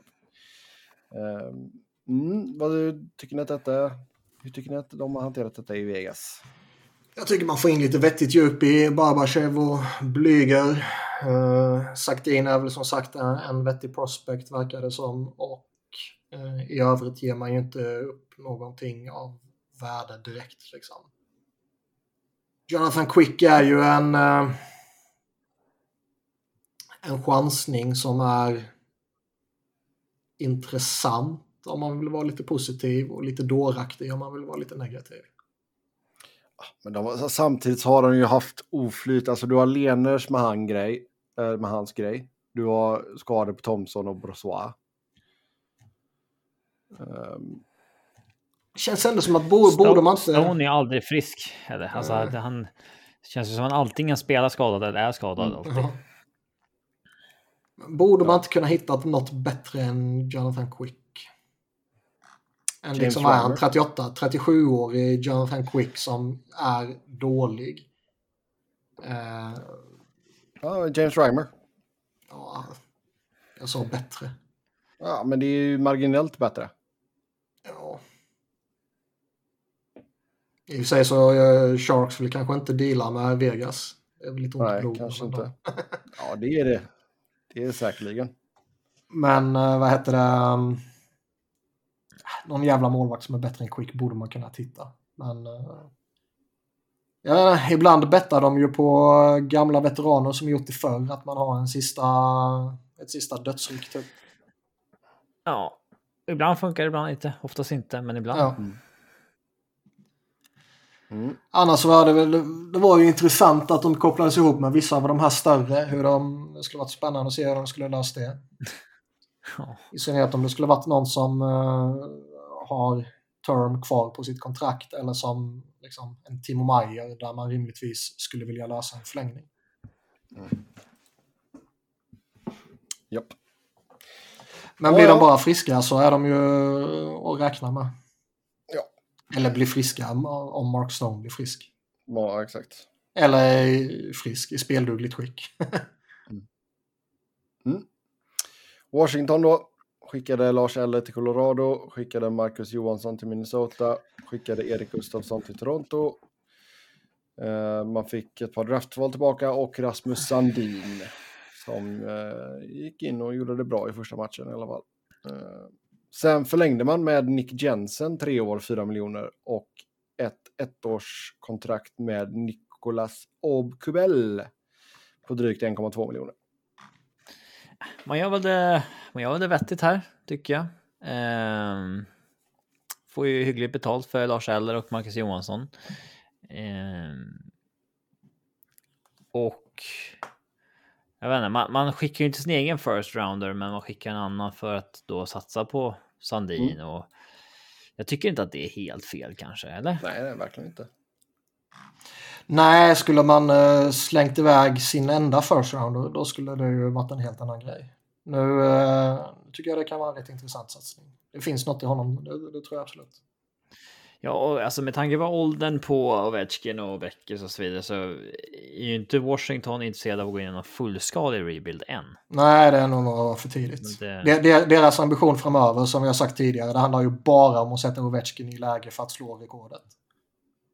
Det är det enda de kommer göra. Och lyckas de spela lite slutspel så, så är de väl glada för det. Liksom. Ja.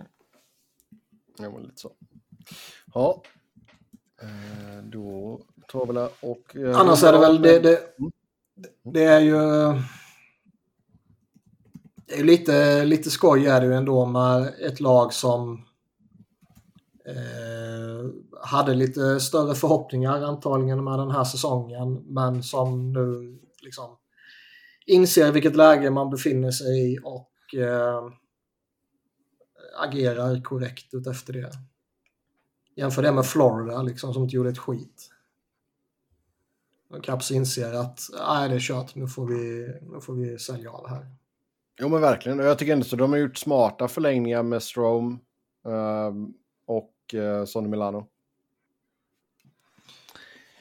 Eh, Ja, ganska eh, tror jag.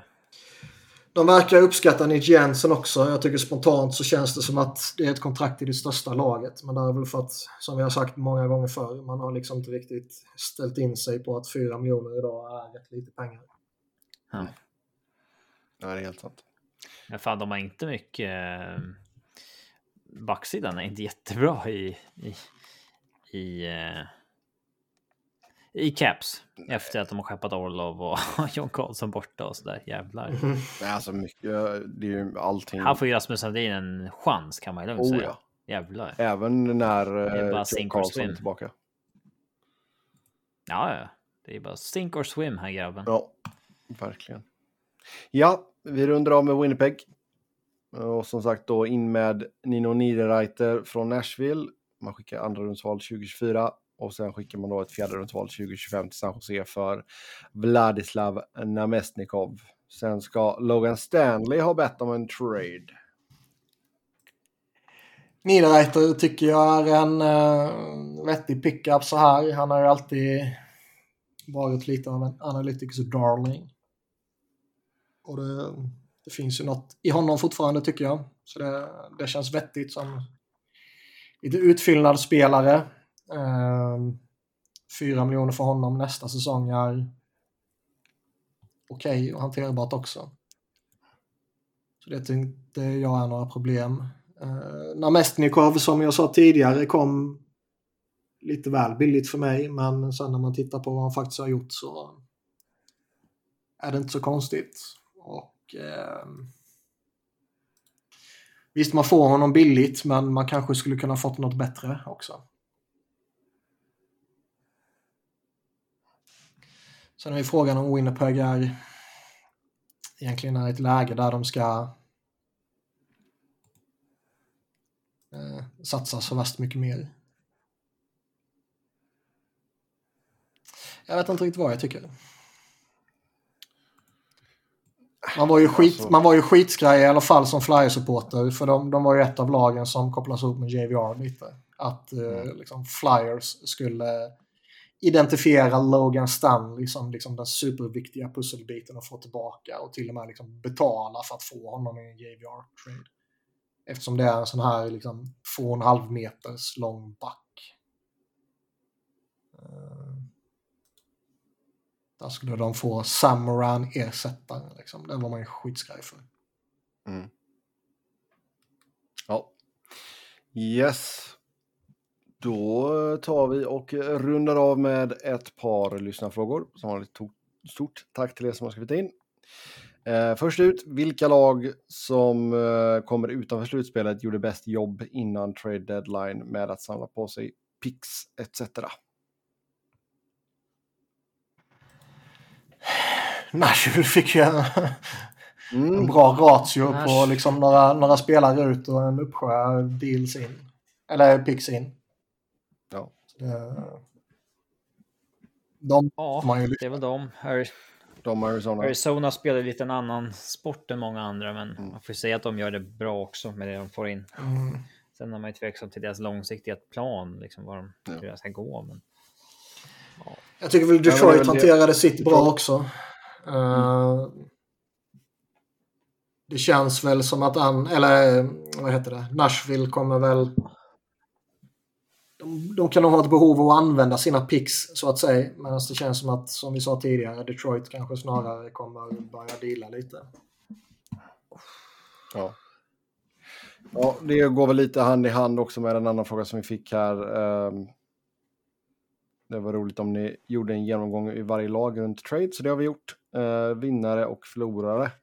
Eh, och de som vi nämnde Det där. är svårt att säga vinnare och förlorare när man inte vill samma sak. Ja, ja, ja. Jo, men Vissa sen vill det sälja, ju... vissa vill köpa. Ja, sen är det ju svårt att säga också.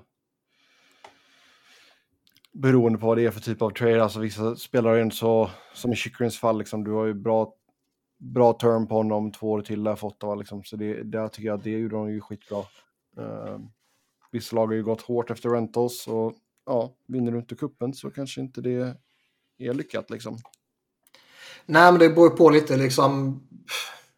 Går Boston och vinner kuppen så är all succé. Men floppar de och ryker i första rundan så är det ju tokfiasko. Samma sak med Toronto. Eh, Så det, ja, Men är, alltså, vi, vi, vi ska inte hänga upp oss för mycket på Toronto första rundan, men liksom, är det verkligen ett fiasko om man ryker mot Tampa igen i sju matcher? Liksom? Nej, men har man gjort det så många år i rad så är det ju ett fiasko över, alltså inte i ett, Nej. inte i ett vakum, men Jag tror vi har sagt, eh, eller vi, jag tror att jag har sagt, jag ska ta credit för det här själv. Att, eh, att ehm, varje enskild slutspelsserie kan man ju hitta bortförklaringar eller legitima anledningar för. Men när man gör det år efter år efter år efter år så sätts det ju i en helt annan kontext. Mm. Och det är klart att eh, fortsätter man göra det hela tiden, även om varje enskilt läge är eh, försvarligt så att säga, så blir det ju ändå ett jättemisslyckande. Mm. Och Ja, allt, eh. allting blir ju liksom dubbelt upp eftersom det är just Toronto också. Ja. Allt vad Sen, Toronto-marknaden och allt det där innebär. Ja. Eh, sen har vi en från Mackie King här. Tjena! Skulle ni kunna gå igenom hur buyouts fungerar och varför det betalas ut i så många år och hur många procent får spelarna av den totala summan? Tack för en grym podd. Mackie King. Tack Mackie King.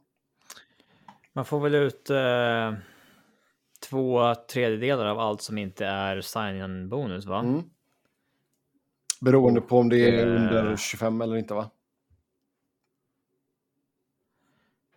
Ja, men de flesta är efter 25. Jo. Eh, sen så fördelas den ju på, om du hade tre år kvar så kommer den fördelas på um, sex år. Ja. Men sen varför, jag vet inte exakt varför det blir liksom olika summor på olika år.